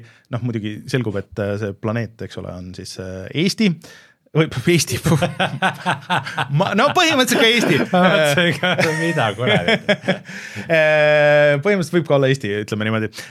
et see on maa, on ju, aga sa oled hästi pisike Äh, ja selles mõttes, et ähm, äh, alguses äh, sa lihtsalt käid seal niisama ringi, meenutab seda Tinykini, millest meil on ka video, aga edasi lähevad asjad keerulisemaks, ehk siis, et sina saad enda käsutusse äh, väikesed tegelased, kelle nimed on Pikminid ja need on erinevat värvi, siis neil on erinevad võimed äh,, punased äh, on äh,, saavad äh, siis tulele vastu äh, ja, ja saavad asju põlema panna vahest, siis äh, kollased umbes on elektri ja, ja sinised on äh, jää ja nii edasi ja siis sul on piiratud arv neid äh, selles nii-öelda overworld'is, kus sa lähed äh, väikestesse nagu koobastesse, kus on eraldi missioonid. ja siis sa pead kasutama neid, kombineerima maailmas koguma asju, koguma lilleõisikuid, millega sa toodad endale pikmine juurde. sa alguses alustad vist kahekümnega või kolmekümnega ja siis sealt läheb edasi, kuni sul lõpuks on sada pikmini, keda sa pead korraga majandama ja mikromajandama ja lisaks sul on koer, kelle nimi mul kohe nüüd meelde ei tule, aga koer, koera sa upgrade'id, ta alguses on nagu suhteliselt kutsikas, aga siis hiljem ta on võimsam. tema täidab näiteks viie pikmini osa või siis kümne pikmini osa ja siis sa pead hakkama tegema siukseid strateegilisi otsuseid, et okei okay,, et, et seda mingit õuna, mida mul on vaja koguda, mille eest sa saad shine'e, mille eest sa siis, noh, sul on vaja oma ikkagi nagu kosmoselaev korda teha, et, et tagasi koju jõuda. et, et kas, kas ma panen äh, kümme pikmini siia või on kasulikum need kümme pikmini kuskil mujal rakendada, et nad tassivad mingisuguseid ressursse või otsivad või midagi sihukest. ja siis, siis see kuts, kuts, kutsu lohistab üksinda nagu seda ühte asja või seda, et, et sul mängus see on nagu naljakas, et seal nagu story osa on, ma ei mäleta, kuidas nad kutsuvad seda, aga et, et nagu eraldi asi, et mis on nagu mikromajandamine, et sa pead nagu kogu aeg mõtlema selle peale, et sa tegeled, teed mitut asja korraga, et sa ei tohi jääda nagu kinni nagu ühte asja, et sa pead kogu aeg vaatama, et kõik asjad toimiks. sest et kui sa oled selles nagu selles suures maailmas, mis on nagu põhimõtteliselt nagu üks avatud kaart mulle tundub vähemalt hetkel, äh, et äh, seal on nagu piiratud aeg sul toimetada, et üks hetk saab päev otsa, äh, hiljem vist sa saad küll ka öösel teha, aga praegu on niimoodi, et sa pead päeva jooksul kõik oma need asjad nagu ära tegema ja kui sul Pikminid õigeks ajaks nagu sinna su kosmoselaeva ei saa, siis sa jääd neist lihtsalt ilma. Äh, ja siis sa pead hakkama neid uuesti äh, hankima ja see võib olla kohati tüütu, aga sul vist ei ole nagu sihukest ajasurvet, nagu nendes vanemates on, et seal oli nagu päris jõhker nagu see, et, äh, et sa võisidki, et sul kogu mäng oli jagatud vist kolmekümne päeva peale ja seal võis tekkida situatsioon, kus, kui sa mängu alguses nagu ei mõelnud selle peale, siis sa lihtsalt noh, sul lihtsalt päevad said otsa ja nagu sa fail isid kõik selle, ma ei tea, see terve kampaania on mingi kümme, viisteist, kakskümmend tundi. et pead lihtsalt uuesti alustama ja seal ei olnudki nagu varianti seda uuesti teha. et siin on tegelikult, sul on missiooni sees on võimalik nagu aega tagasi ka kerida. Äh, ja see kõik on väga äge, äh, näeb väga äge välja ka. jah siis või? Äh, jah ma ütlen jah, aga nüüd mõned nagu caveat'id tulevad siia juurde. alguses, kui ma hakkasin seda mängima, siis see on üks nendest mängudest, mis okei okay,, siin on palju mehaanikaid, aga lihtsalt see, et see käima läheb, et sul võetakse kogu aeg kontroll ära ja siis seletatakse igat asja.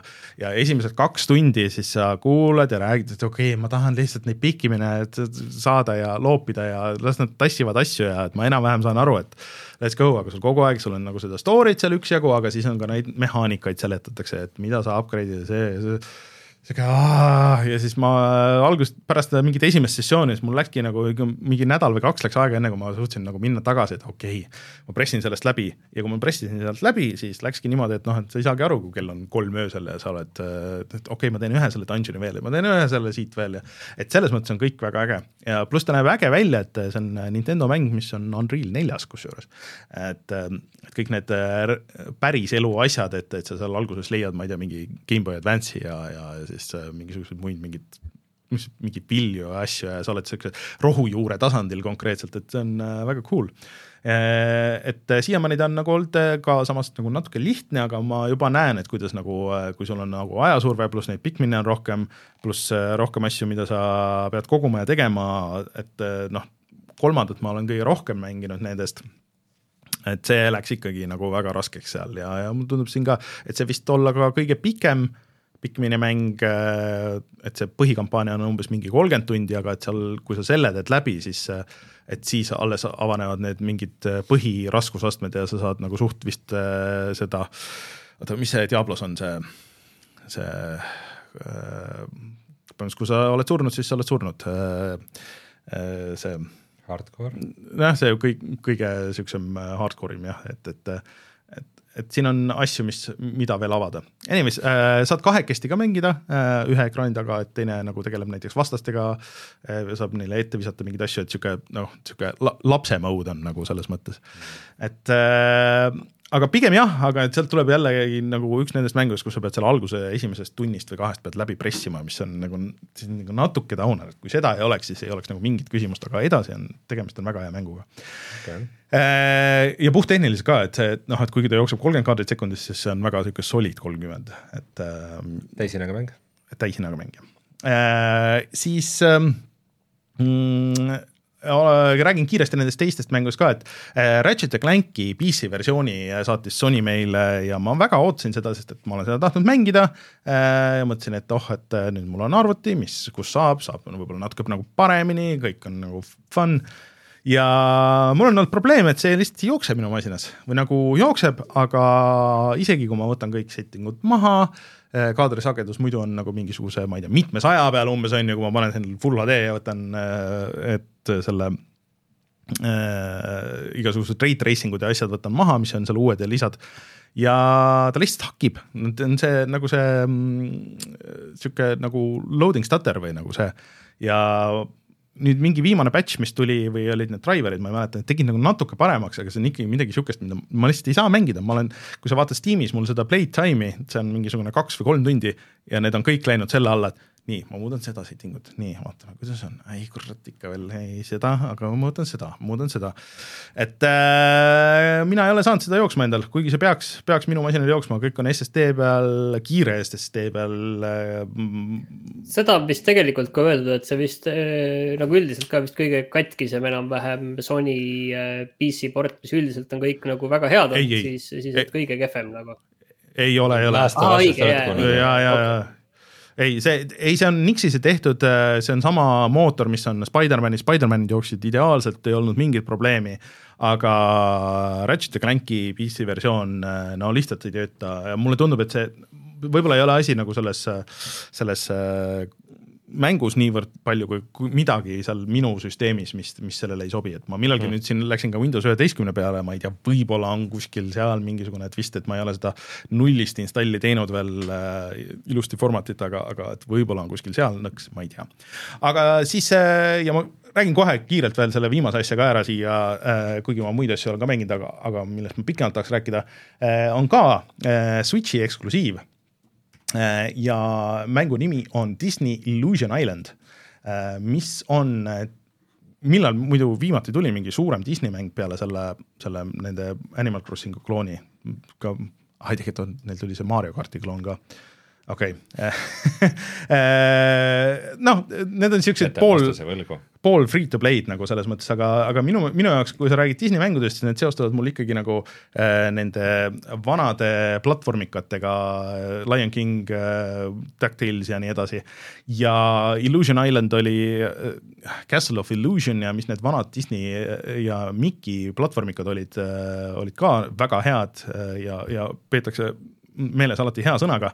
Eh, nii et eh, see vihjab juba sellele eh, ja selle stiil on nagu huvitav, et ma ei tea, kellel on Disney pluss, siis seal on need uued, need Mickey ja, ja Donaldi ja nende multikad, siis on selles stiilis, mis on ka üllatavalt head, ma olen neid sealt järjest vaadanud ja story ongi nagu päris ka hea, alguses on päris pikk nagu multikas põhimõtteliselt, äh, kuidas äh, Mickey, Donald, Kupi äh, ja Minni kutsutakse piknikule, aga selgub, et piknikku ei ole, hoopis see on mingid tüübid, kelle maailmast on neli olulist raamatut kadunud ja, ja nad on telekast näinud, et, et need Mickey ja Donald ja, ja Minnie ja Kuppi on väga suured kangelased ja nemad saavad neid aidata ja siis nad, kuule, et aga me oleme ju tegelikult näitlejad, et see ei ole nagu päris, ei huvita, et minge tehke ja siis edasi äh, läheb plat-, suureks platvormimiseks ja mis mulle tuli nagu natuke üllatusena, on see, et tegemist on põhimõtteliselt mitte niisama niisuguse klassikalise platvormikaga, aga see on äh, Metroidvania.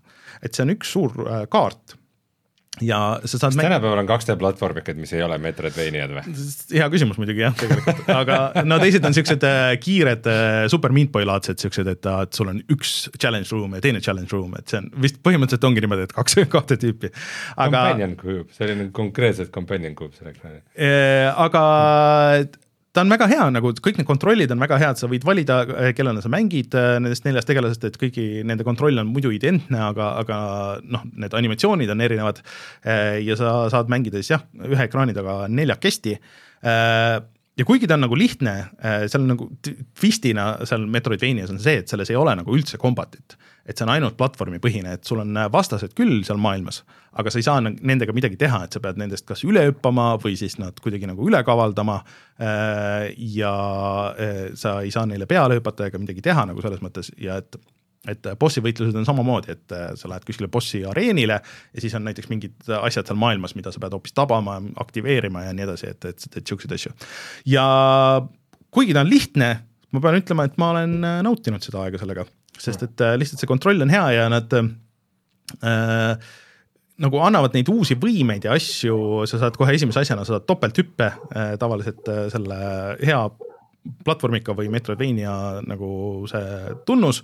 ja, ja niimoodi järjest on, et, et sa saad suhteliselt kiiresti uusi asju, ta ei jõua nagu igavaks minna selle arvelt. et äh, sihuke baby's first Metroidvania. Äh, ja mina ütleks sellele jah, et selle, see ei olnud täishinnaga ka, see oli vist kas mingi kas see oli kakskümmend või kolmkümmend eurot või midagi sihukest, et äh, selle koodi saatis meile ka Nintendo, nii et äh, ma kohe ei oska nagu öelda, aga jah, teiste platvormide peal seda ei ole, aga Switchi peal jookseb ilusti, näeb hea välja äh,, mängib hästi, et äh, kui sa oled mingisugune jah, Celesti pimesi mängija, siis võib-olla on nagu igav, aga aga kui sa tahaks midagi, mida mängida näiteks lastega koos, soovitan väga, selle jaoks väga hea ja et kui sa mängid vist mitmekesi, sa saad üksteist nagu aidata ka, et, et, et ei tohiks olla nagu väga frustreeriv kellelegi, et, et see on cool äh,. nii et Disney Illusion Island äh, mina platvormi fännina soovitan. Nii, aga Rein, sul oli veel paar asja. jaa. Äh,, esiteks põhjus, miks ma ei ole viimane nädal mänginud Baldur's Gate kolme, on see, et äh, äh, mul jäi silma niisugune mäng nagu Halls of Torment. Mm,, mida veits valesti kirjutasin. Äh, mida on kõige lihtsam meelest seletada kui äh, Vampire Survivors äh, ja kohtub vanade diablotega. okei okay. äh,. et ähm, no põhimõtteliselt on ikkagi Vampire Survivorsi laadne mäng, kuigi huvitaval kombel seal on ka päriselt äh, võimalus välja lülitada oma attack või, või neid manuaalselt või automaatselt okay. sihtida. et ikkagi sul on kursor, et kuhu poole sa lased äh, ja noh, sul ei ole tegelikult põhjust nagu mitte lasta, et mm -hmm. ikkagi noh, selle sa paned ikkagi automaatse mm -hmm. peale. Aga, aga ikkagi, kui Vampire Survivors oli see, et see, sul on ainult nooled, millega juhtida mm -hmm. ja kogu attack käis automaatselt, siis, siis nagu üks samm edasi.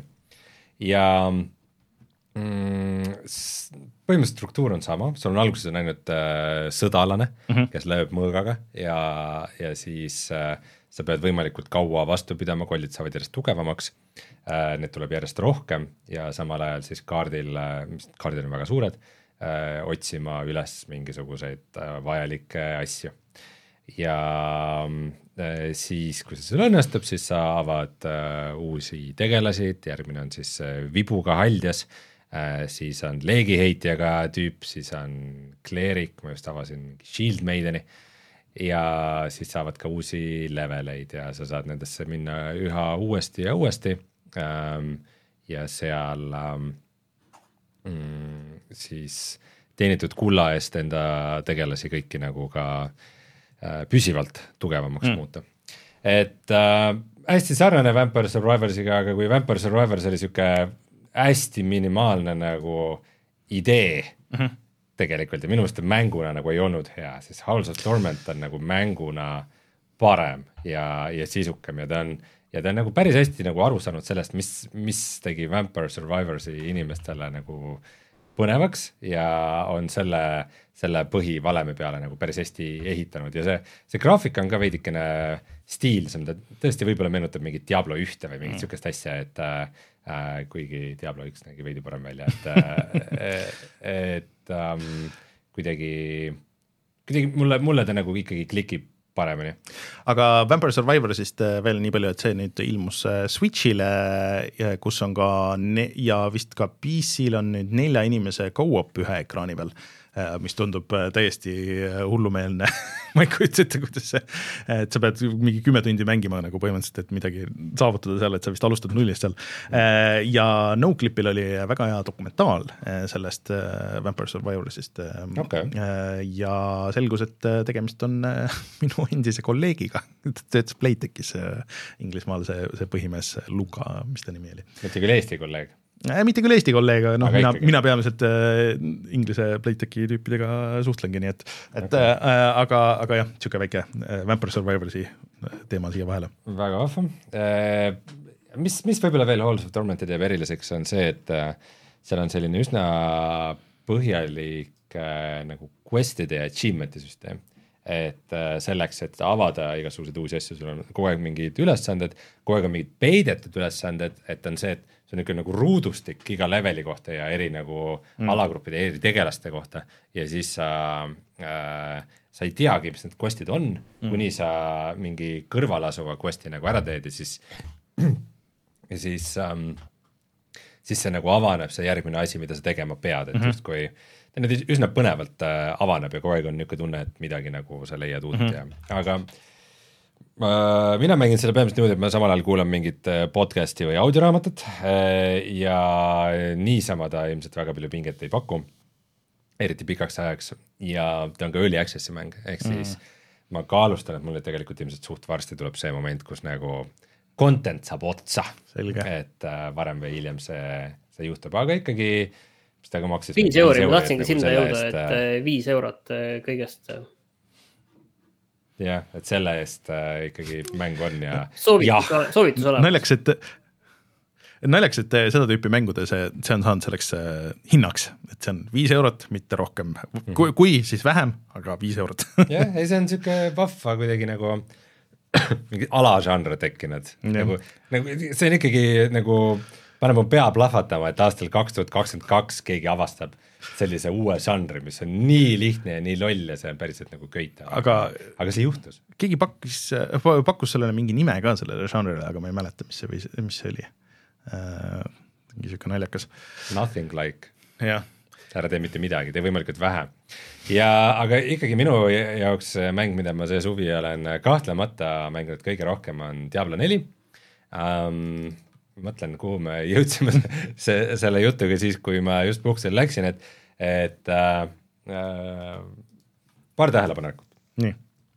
esiteks jah, mis oli, oli asi, mis juhtus äh, reaalselt peale järgmist saadet, et ma mängisin Diablot, ma rääkisin, et minu tegelane, minu äh, sorceress, ei, vabandust, sorcerer on äh, üsna nõrgaks jäänud, et ma vist teen mingisuguse juhendi järgi ta ümber mm. ja ja siis äh, ma läksin koju äh,, tegin umbes söögi kõrvale Redditi lahti ja lugesin Diablo Redditit ja siis tuli välja, et äh, see spell äh, Incinerate, mille ümber ma oma tegelase olen ehitanud, on põhimõtteliselt kõige mõttetum spell mängus. ja kuidagi ma valisin selle, sest et leidsin mingeid asju, mis sinna andsid mingeid asju juurde, aga ei, et äh, põhimõtteliselt, et see nagu nii praht tegelane ei saa olla kui see. ja ma siis võtsin ühe guide'i, tegin selle järgi oma tegelase ümber ähm,. ja nagu panin skill'id sinna, kuhu pidi. ja siis kõndisin mängust niimoodi läbi, et lihtsalt kõik bossid nagu surid ümberringi ütlesin okei okay,, okei okay,, et nagu mm -hmm, sihuke mäng, põhimõtteliselt äh, just kirjutasin digiarvustuse selle kohta ka, siis ma jõudsin nagu sama järelduseni, et, et nagu mängul on hästi suur vastuolu, on see, et, et mängu käik ise on nagu hästi loll, sa oled kogu aeg siukses nagu flow state'is, et mm, -hmm. et sa nagu väga ei mõtle, nagu jooksed läbi, ka mm, teed midagi muud samal ajal, kuulad audioraamatut või midagi, et ma tegelikult äh,, ma tegingi üks hetk otsuse, et see mäng, mängukäik ise solvab minu intellekti, et, äh, et mulle meeldib Diablo neli, aga ma pean samal ajal kuulama mingit audioraamatut või podcast'i, sest muidu see on lihtsalt, see on lihtsalt liiga ajutõtte tegevus. Äh, ja siis ta läks palju paremaks äh, aga, aga just see, et, et samas nagu oma tegelase nagu ülesehitamisega mm, -hmm. et sa peaksid nii põhjalikult oma skill'id läbi mõtlema mm -hmm. ja, ja põhimõtteliselt see epikute süsteem on see, et et noh, sul on mingid skill'i kirjeldused umbes, et nagu, et mingi, kui sa teed külma spelli, siis kui sa ta tapad ära selle spelliga, siis, siis ta plahvatab jääkuubikuteks siis, kui see teine spell on aktiivne. aga siis, kui see teine spell on aktiivne, siis sa pead äh,, siis sa saad nagu mingit lisamaana, aga ainult siis, kui sul on üle saja maana, siis toimub mingi teine asi. ja põhimõtteliselt on see, et sul on kõikidel nendel spellidel ja passive itel ja asjadel, mis sa mm -hmm. nagu omale võtad, aga äh, mängu edenedes kui sa saad eepilisi asju mm, -hmm. see on see, et igal sinu varustuse jupil on veel üks aspect peal, mis teeb veel mingi, midagi teistsuguseks. ehk okay. siis sinu mütsil, sinu sõrmustel, sinu amuletil, saabastel, relvadel, kõigel on peal veel mingisugused tingimused ja lõpuks ongi mingi tohutu tingimuste jada, kus sa oled nagu programmeerija, kes peab selles koordineeruma. ja siis ongi see, et sa leiad internetist ühe juhendi ja teed selle järgi, kuigi ka see on keeruline, sest sa pead jälgima kõiki neid asju. ah, et minu müts peab andma mulle nii palju mingit külmanõela seal siis, kui mul on nagu need tingimused. et äh, veider, veider vastuolu, sest mängukäik ise on nagu ikka noh, väga, väga tuim. see natuke kõlab nagu, nagu Elden Ringi see spekkimine, aga noh, seal selle, see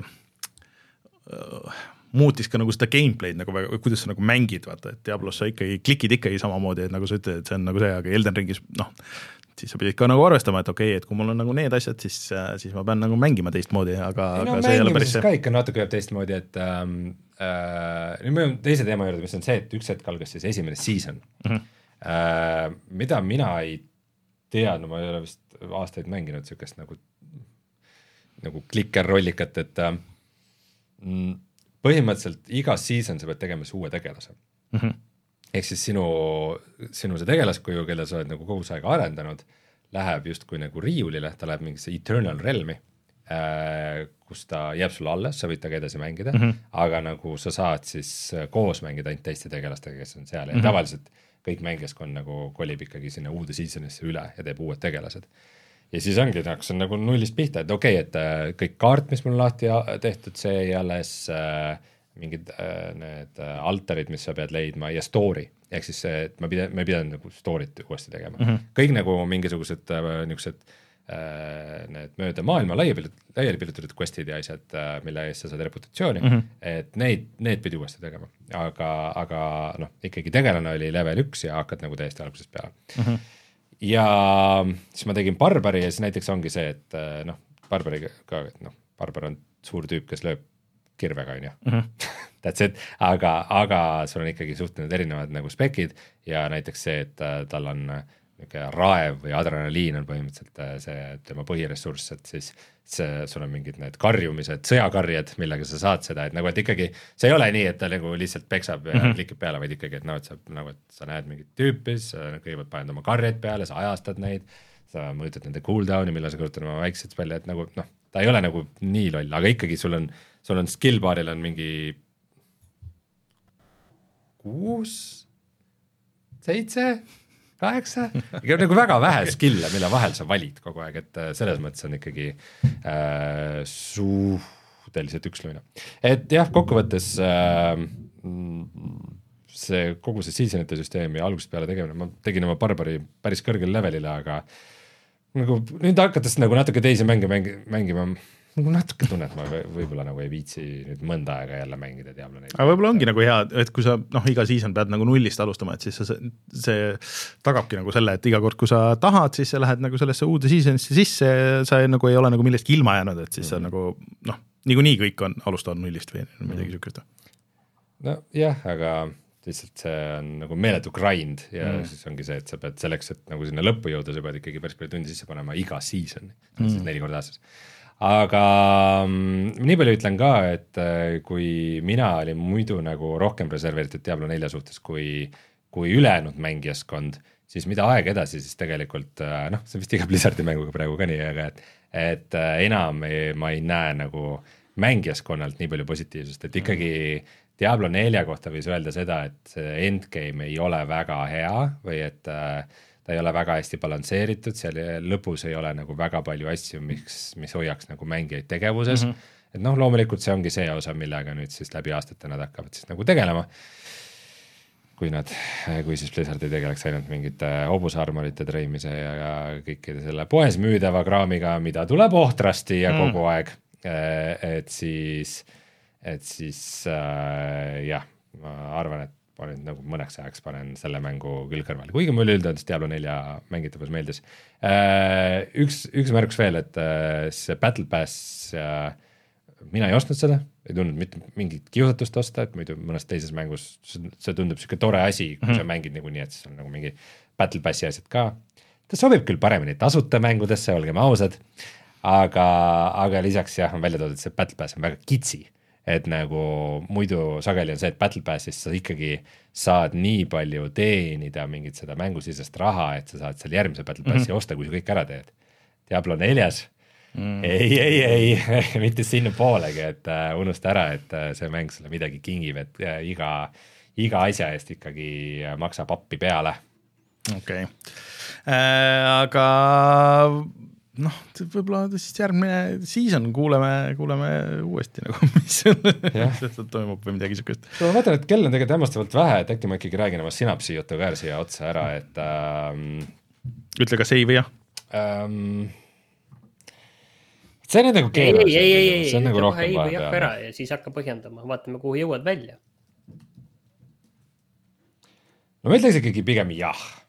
Äh, kui mitte muul põhjusel, siis et äh, Playstation VR kahe mänge on nagu ikkagi väga vähe nagu häid mänge, et, ähm, et selles osas mis sa teed, noh, ikalduse ajal kõlbab kah, näiteks just äh, eile tuli Green Hell VR-i, PlayStation VR kahe versioon ja tundub, et tegu on ikkagi väga kehva pordiga, et mm. näeb väga halb välja äh,. Nad no, põhimõtteliselt Questi pordi võtnud, et mingisugused mängitavusasjad, mis PC versioonil olid, need PlayStation VR kahel ei ole ja ja ikka päris mitu draamat on olnud siin, et see paganama Until Dawni tegijatel, vaata on alati need mingid mm -hmm. õudus, õudusmängud, et seal -hmm. oli ka mingi Something for Blood, see vist nägi ka suhteliselt halb välja, et ikkagi kahjuks on neid fopaasid siin olnud äh,. Synapse on ikkagi põhimõtteliselt hea mäng üldjoontes äh,. üks põhiasi, kui te vaatate selle Synapse'i materjali, mida ta kohe silma, teile silma torkab, on see, et ta on mustvalge, mis äh, ja see ainult mõned asjad on seal värvilised, mis ma ütleks, et äh, nagu treilerites ja mängumaterjalis näeb kehva välja, et niisugune esimene emotsioon on kohe sihuke, et miks me peaks seda nagu mingit nõmedat mustvalget äh, mängu mängima. aga, aga ma ütlen kohe selle ära, et see ikkagi VR-is näeb palju parem välja. Mis asi on Synapse? Synapse on siis äh, selline äh, VR äh, tulistamise rogu-like mäng, kus sa äh, lähed äh, siis ähm, ühe koloneli pähe ja üritad kätte saada mingisugused saladused. Äh, aga kolonel äh, varjab oma saladusi hästi ja mõtleb sulle sõdureid sinna vastu ja siis sa lähed tema teadvuses järjest sügavamale ja sügavamale. Äh, sa mängisid ka mingit suhteliselt hinnatud häälnäitlejat, kellega mul ei olnud väga mingit seost, kas see mingi vana Metal Gear Solidi David Hayter või? jah, jah, tema mm. on see, tema on see kolonel ja, ja, ja Jennifer Hale on see hääl, kes siin nagu räägib ehm,. ja kuna tegu on siis jah, rogu-like mänguga ongi see, et sa järjest üritad nagu sügavamale saada iga run'iga, kui sa saad surma, siis hakkad algusest peale ehm,. ja mm, alguses sul on ainult üks üsna kesine püstol, siis sa avad nagu põhimõtteliselt achievement'ide eest äh, saad punkte, mida sa siis saad äh, run'ide vahel kulutada ja siis valid, et mis järjekorras sa enda jaoks neid mingeid uusi asju avad, et mina tegin, võtsin kohe mingid paremad relvad äh,. mis, nagu kummaline selle asja juures on see, et äh, need relvade tunnetus minu meelest on nagu suht kesine või siukene mm. lihtsakoeline või arkaadiline, et sa vajutad ühte nuppu, siis nagu salv tuleb välja mm -hmm. ja siis lihtsalt vajutad tagasi ja nagu see ongi kogu reload imine, et noh, kui mingites Pavlovitis asjades on mingi ülidetailne reload imine, et sa võtad kuskilt mingi salve ja siis tõmbad mingi haagi lahti ja paned see ongi liiga palju. vahele ja äh, noh, aga VR-is see on ikkagi äge, et, et need, need mõned nagu rohkem arkaadimängud mulle nagu VR-is, ma nüüd alati tunnen, mis me, mis me üldse VR-i mängime, aga teine väga oluline asi lisaks relvadele on see, et sul on telekineetilised võimed.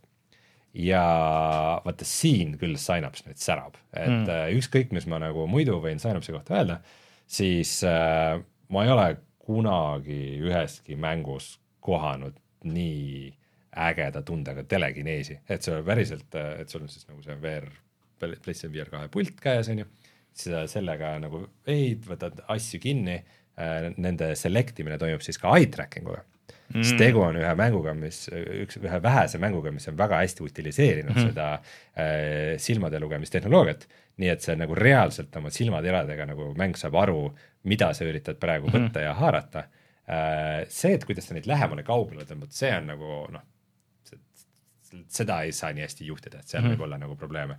aga näiteks, et kui sa võtad mingi plahvatava tünni, siis on niimoodi, et äh, see äh, PSVR kahe äh, see päästik, vaata tal on ka see mm -hmm. adaptiivne tagasiside mm, -hmm. et põhimõtteliselt on see, et sa tunned, et nagu see, ah, see päästik läheb pidama ja kui sa vajutad, siis ta plahvatab okay,. mis okay. on ülikool nagu, et nagu vehid selle tünniga, et tõstad mingi vaenlase, kuskil vaenlane nurga tagant tulistab sind, tõstad selle tünni nagu tema juurde ja siis vajutad niimoodi puruks ja see on ülikool ja see toimib mega hästi. ja kui sa saad äh, siis veidi hiljem ja sa saad ka mingisuguseid lifte näiteks, mida sa nagu tõmbad enda juurde ja mhm. üles-alla nagu, et hüppad lifti peale, ühe käega tulistad, teisega nagu tõmbad seda lifti üles, et see on nagu täiega sihuke tunne, et sa oledki mingisuguses mm, cool. väga nagu sihukeses powerful äh, asjas sees et ikkagi ta, et, et noh, on tunda, et see VR annab nagu aga samas on see, et nagu kõik need VR-mängud, kui ma vaatan siin nagu seda, seda gameplay'd nagu, siis need fondid ja kõik see muu kujundus ja kõik see tundub nagu nii, nii cheapo nagu selle juures, ma midagi ta nagu... näeb VR-is parem välja, seda, seda ma julgen, julgen lubada, et nagu VR, VR-mängudel muidu ka on see, et äh, alati on veidikene halb äh, nagu hinnata VR-ist no väljaspool okay., aga aga noh, samas ma saan su pointist aru, äh, VR-mängude eelarved on tavaliselt väiksemad, mis sa teed, on ju aga mis stuudio selle teinud või mingi suvaline? see on päris suur stuudio oh,, see on äh, siis äh,, tead me isegi äh,, Enreal, on Enreal või? ühesõnaga, ta on üks ikkagi üks suuremaid publisher'e, aga see on oh. nende, see on nende nagu oma stuudiomäng okay. ja ütleme, et lõputiitrid on ikka nagu väga-väga-väga pikad okay.. et äh, seal oli ka väga palju Eesti firma Ringtaili äh, kunstnikke mm., nemad on ka seal kaasatud äh,. Üldse Ringtail VR-mängudes on hästi, minu arust seal Until Dawni tüüpide selles mängus olid nad ka, aga äh, ja noh, lihtsalt rääkides nagu suurest firmast, siis äh, kuna me teeme nagu VR-mängu niisuguse kümnese tiimiga, on ju, mhm. siis ma nagu vaatasin neid lõputiitreid ja oigasin, et äh, äh, accounting'u osakond oli kolmkümmend kaks inimest no võib-olla on see, et nad peavad panema kogu selle, et noh. nojah, aga nagu see kümnekesi mängu versus see, et vabandust, mitte ainult accounting, et ütleme see Äh, operations osakond, siis nagu okay. HR ja accounting ja, ja, ja need, et seal oli kolmkümmend kaks aga... tundus, tundus natuke palju, aga äh, rääkides edasi sellest gameplay'st, siis äh, mäng muutub totaalselt, kui sa saad ühe upgrade'i ja, ja ma äh, hiljem netist lugenud, et ma ei ole ainus, kes sellele järeldusele jõuab, et põhimõtteliselt sa saad sellise upgrade'i, et sa saad äh, vaenlasi haarata telekineesiga mm. -hmm. ja peale seda mäng muutub lihtsalt lollakalt lihtsaks sest muidu on see, et need vaenlased nagu nad jooksevad, varjuvad, tulistavad sind kuskilt mm -hmm. tagant ja siis on niimoodi, et jooksed läbi ja niimoodi vuh, vuh, vuh, viskad neid lihtsalt üle serva ja eriti äge on see, kui sul teises käes on äh, automaat mm -hmm. ja see on niimoodi, et äh, tüüp kukub su juurde kui ta veel natukene elus on, siis trrrt, nagu kas, kas lendamise pealt veel trrrt, lased ühe valangu sisse või siis, kui ta maha kukub, veel viskad talle mingi kasti pähe või midagi, et äh, ja siis läks kuidagi easy'ks ja siis ma põhimõtteliselt kütsin lõpuni välja, nii et tegelikult ma olen mängu läbi teinud juba mm. äh, paari õhtuga juba ja aga noh, loomulikult siis avanes mingi uusi story layer eid ja mingeid uusi asju, aga nagu arvestades kõiki neid inimesi, kes selle taga on mängus on neli vastast.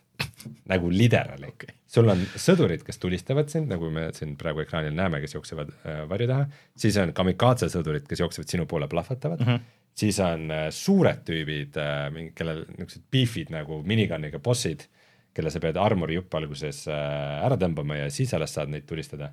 Ja siis on lõpus veel mingid lendavad tüübid. Mm.. nagu that's it, sul on nagu kogu mängu peale neli kolli. Ja need äh, ja need äh, paganama äh, äh, levelid ei ole minu meelest ka protseduurilised. et nad ikkagi Mm, nagu fixed level nagu selles- ette tehtud, aga lihtsalt noh, mingi palju variante lihtsalt nagu mäng valib nende vahel, et äh, ikkagi jaa, ma mingis mõttes üt- ütleks, et nagu ikkagi kuidagi nagu cheapo mäng, et ta, ta hind äkki oli nelikümmend euri või aga äh, üldse nagu jah, tõesti, mis toimub PlayStation VR kahega nagu, et sellel nagu, nagu oleks täiesti ära unustatud, see tuli välja, tegelikult ju Insomniac tegi äh, mitmeid mänge Questile, kus need on, miks need ei ole tulnud või nende diil oligi niimoodi, et, äh, et need on, jäävad ainult sinna Insomniac quest. jaa äh,, sa ise veel mängisid ühte nendest äh, vähemalt äh,, mis oli nagu, et nagu third Äh. person äh, sihuke äh, enne kui Sony nad uuesti ära ostis vist. jah, aga mitte Questile. Ah, Nad no. tegid äh, Oculus Riftile. No jah, jah, okei, no, no- Need olid äh, PC platvormil äh, Jah. ja Stormlands ja Age of Nowhere. Et miks- jumala, tähendab Stormlands ei olnud hea mäng, aga, aga, aga mõni neist oli et, täitsa et ma saan aru, et Spider-man on suur asi ja Spider-man kaks tuleb veel sügisel ja kõik on ju, aga miks ei ole Sony pannud tegema vähemalt ühte nagu high-end VR-mängu stuudiot, millel on see kogemus ja see kõik on ju, ja, ja noh, väga veider on no see. vot oligi, et aasta alguses meil tuli see paganama, tähendab, kui, kui PlayStation VR kaks välja tuli, siis meil Mhm. oli Call of the Mountain mm, -hmm. äh, oli Gran Turismo mm -hmm. äh, VR osa ja siis või noh, terve mäng VR-is mängitav ja Resident Evil seitsme mm -hmm. terve mäng VR-is mängitav. ja järgmine asi siis on Resident Evil nelja VR, VR versioon. mis tuleb millalgi. mis jah, mis Tokyo Game Show'l vist pidi olema mängitav. mul, ma üks Aga- päev käisin poes aga ja jah, siis ma vähe. nägin äh, Nintendo VR-i ka. et see, mul tuli see üldse ka meelde, et see on olemas. labo või? see labot müüakse Eestis poes või, oh my god. see on küll hirmus, et selles mõttes äh, ma, ma väga-väga-väga tahaks nagu loota, et äh, Sonyl on lihtsalt see, et neil on nii palju raudu tules ja kõigega läheb kauem kui oodatud ja neid lükatakse edasi ja kohe-kohe on mingi tohutu massiiv tulemas äh, sest noh, vastasel juhul nagu tõesti nagu, et mis, miks, miks nad üldse selle välja lasid, sest et äh, praegu käivad jutud ja lekked ju on ju sellest, mis on täitsa nagu loogilised, et äh, PlayStation viis Slim oleks justkui tulemas varsti, mis ongi nagu, et selle eemaldatava äh, selle äh, drive'iga ja kõik nagu siuksed asjad, aga noh, see on kõik väga tore, aga mis sellest VR-is saab nagu? Et, et noh, nagu kõlakatel on see, et ikkagi nagu selleks jõuluhooajaks nad teevad mm. mingisuguse push'i, aga, aga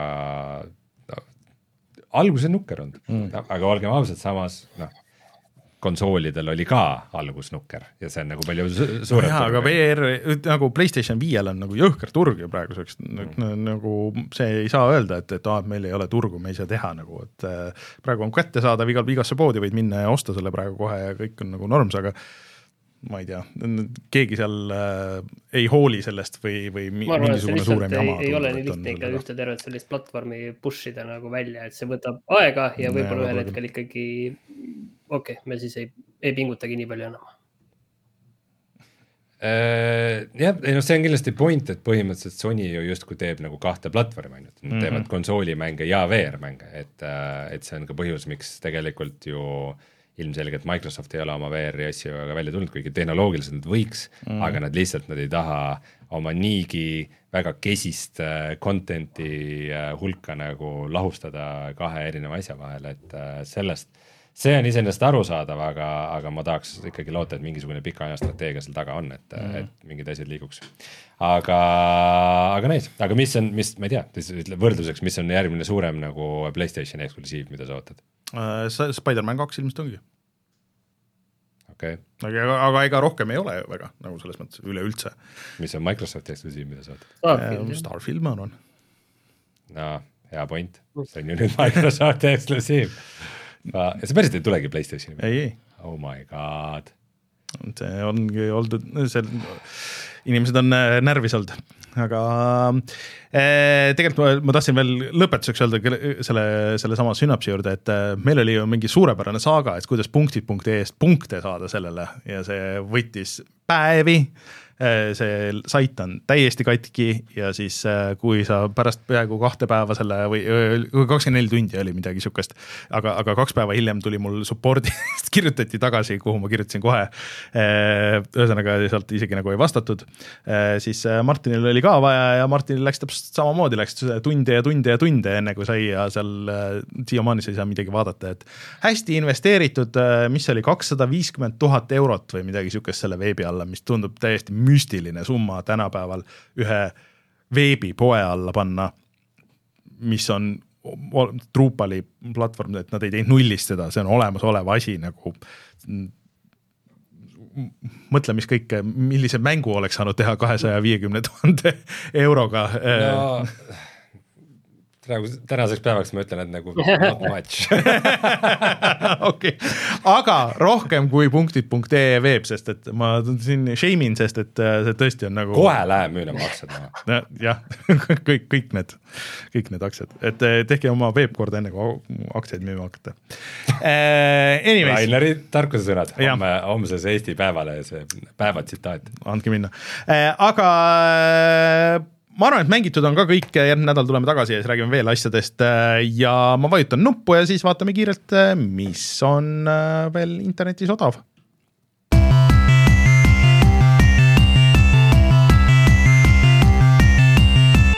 ma tegin, vahepeal Sa... tegin siin tiiru peale ja teed, e-, ega ma Epicus ja kõik on, on, on okay., on, oota. okei okay,, aga ma ütlen siis ise, et Sa... Humble Bundle'is on Resident Evil, et asi. just, ma tahtsingi seda öelda. erinevaid Resident Evil'eid, äh, erinevad pakid, erinevad hinnad, aga kokku kõik asjad saab kolmekümne kahe euroga.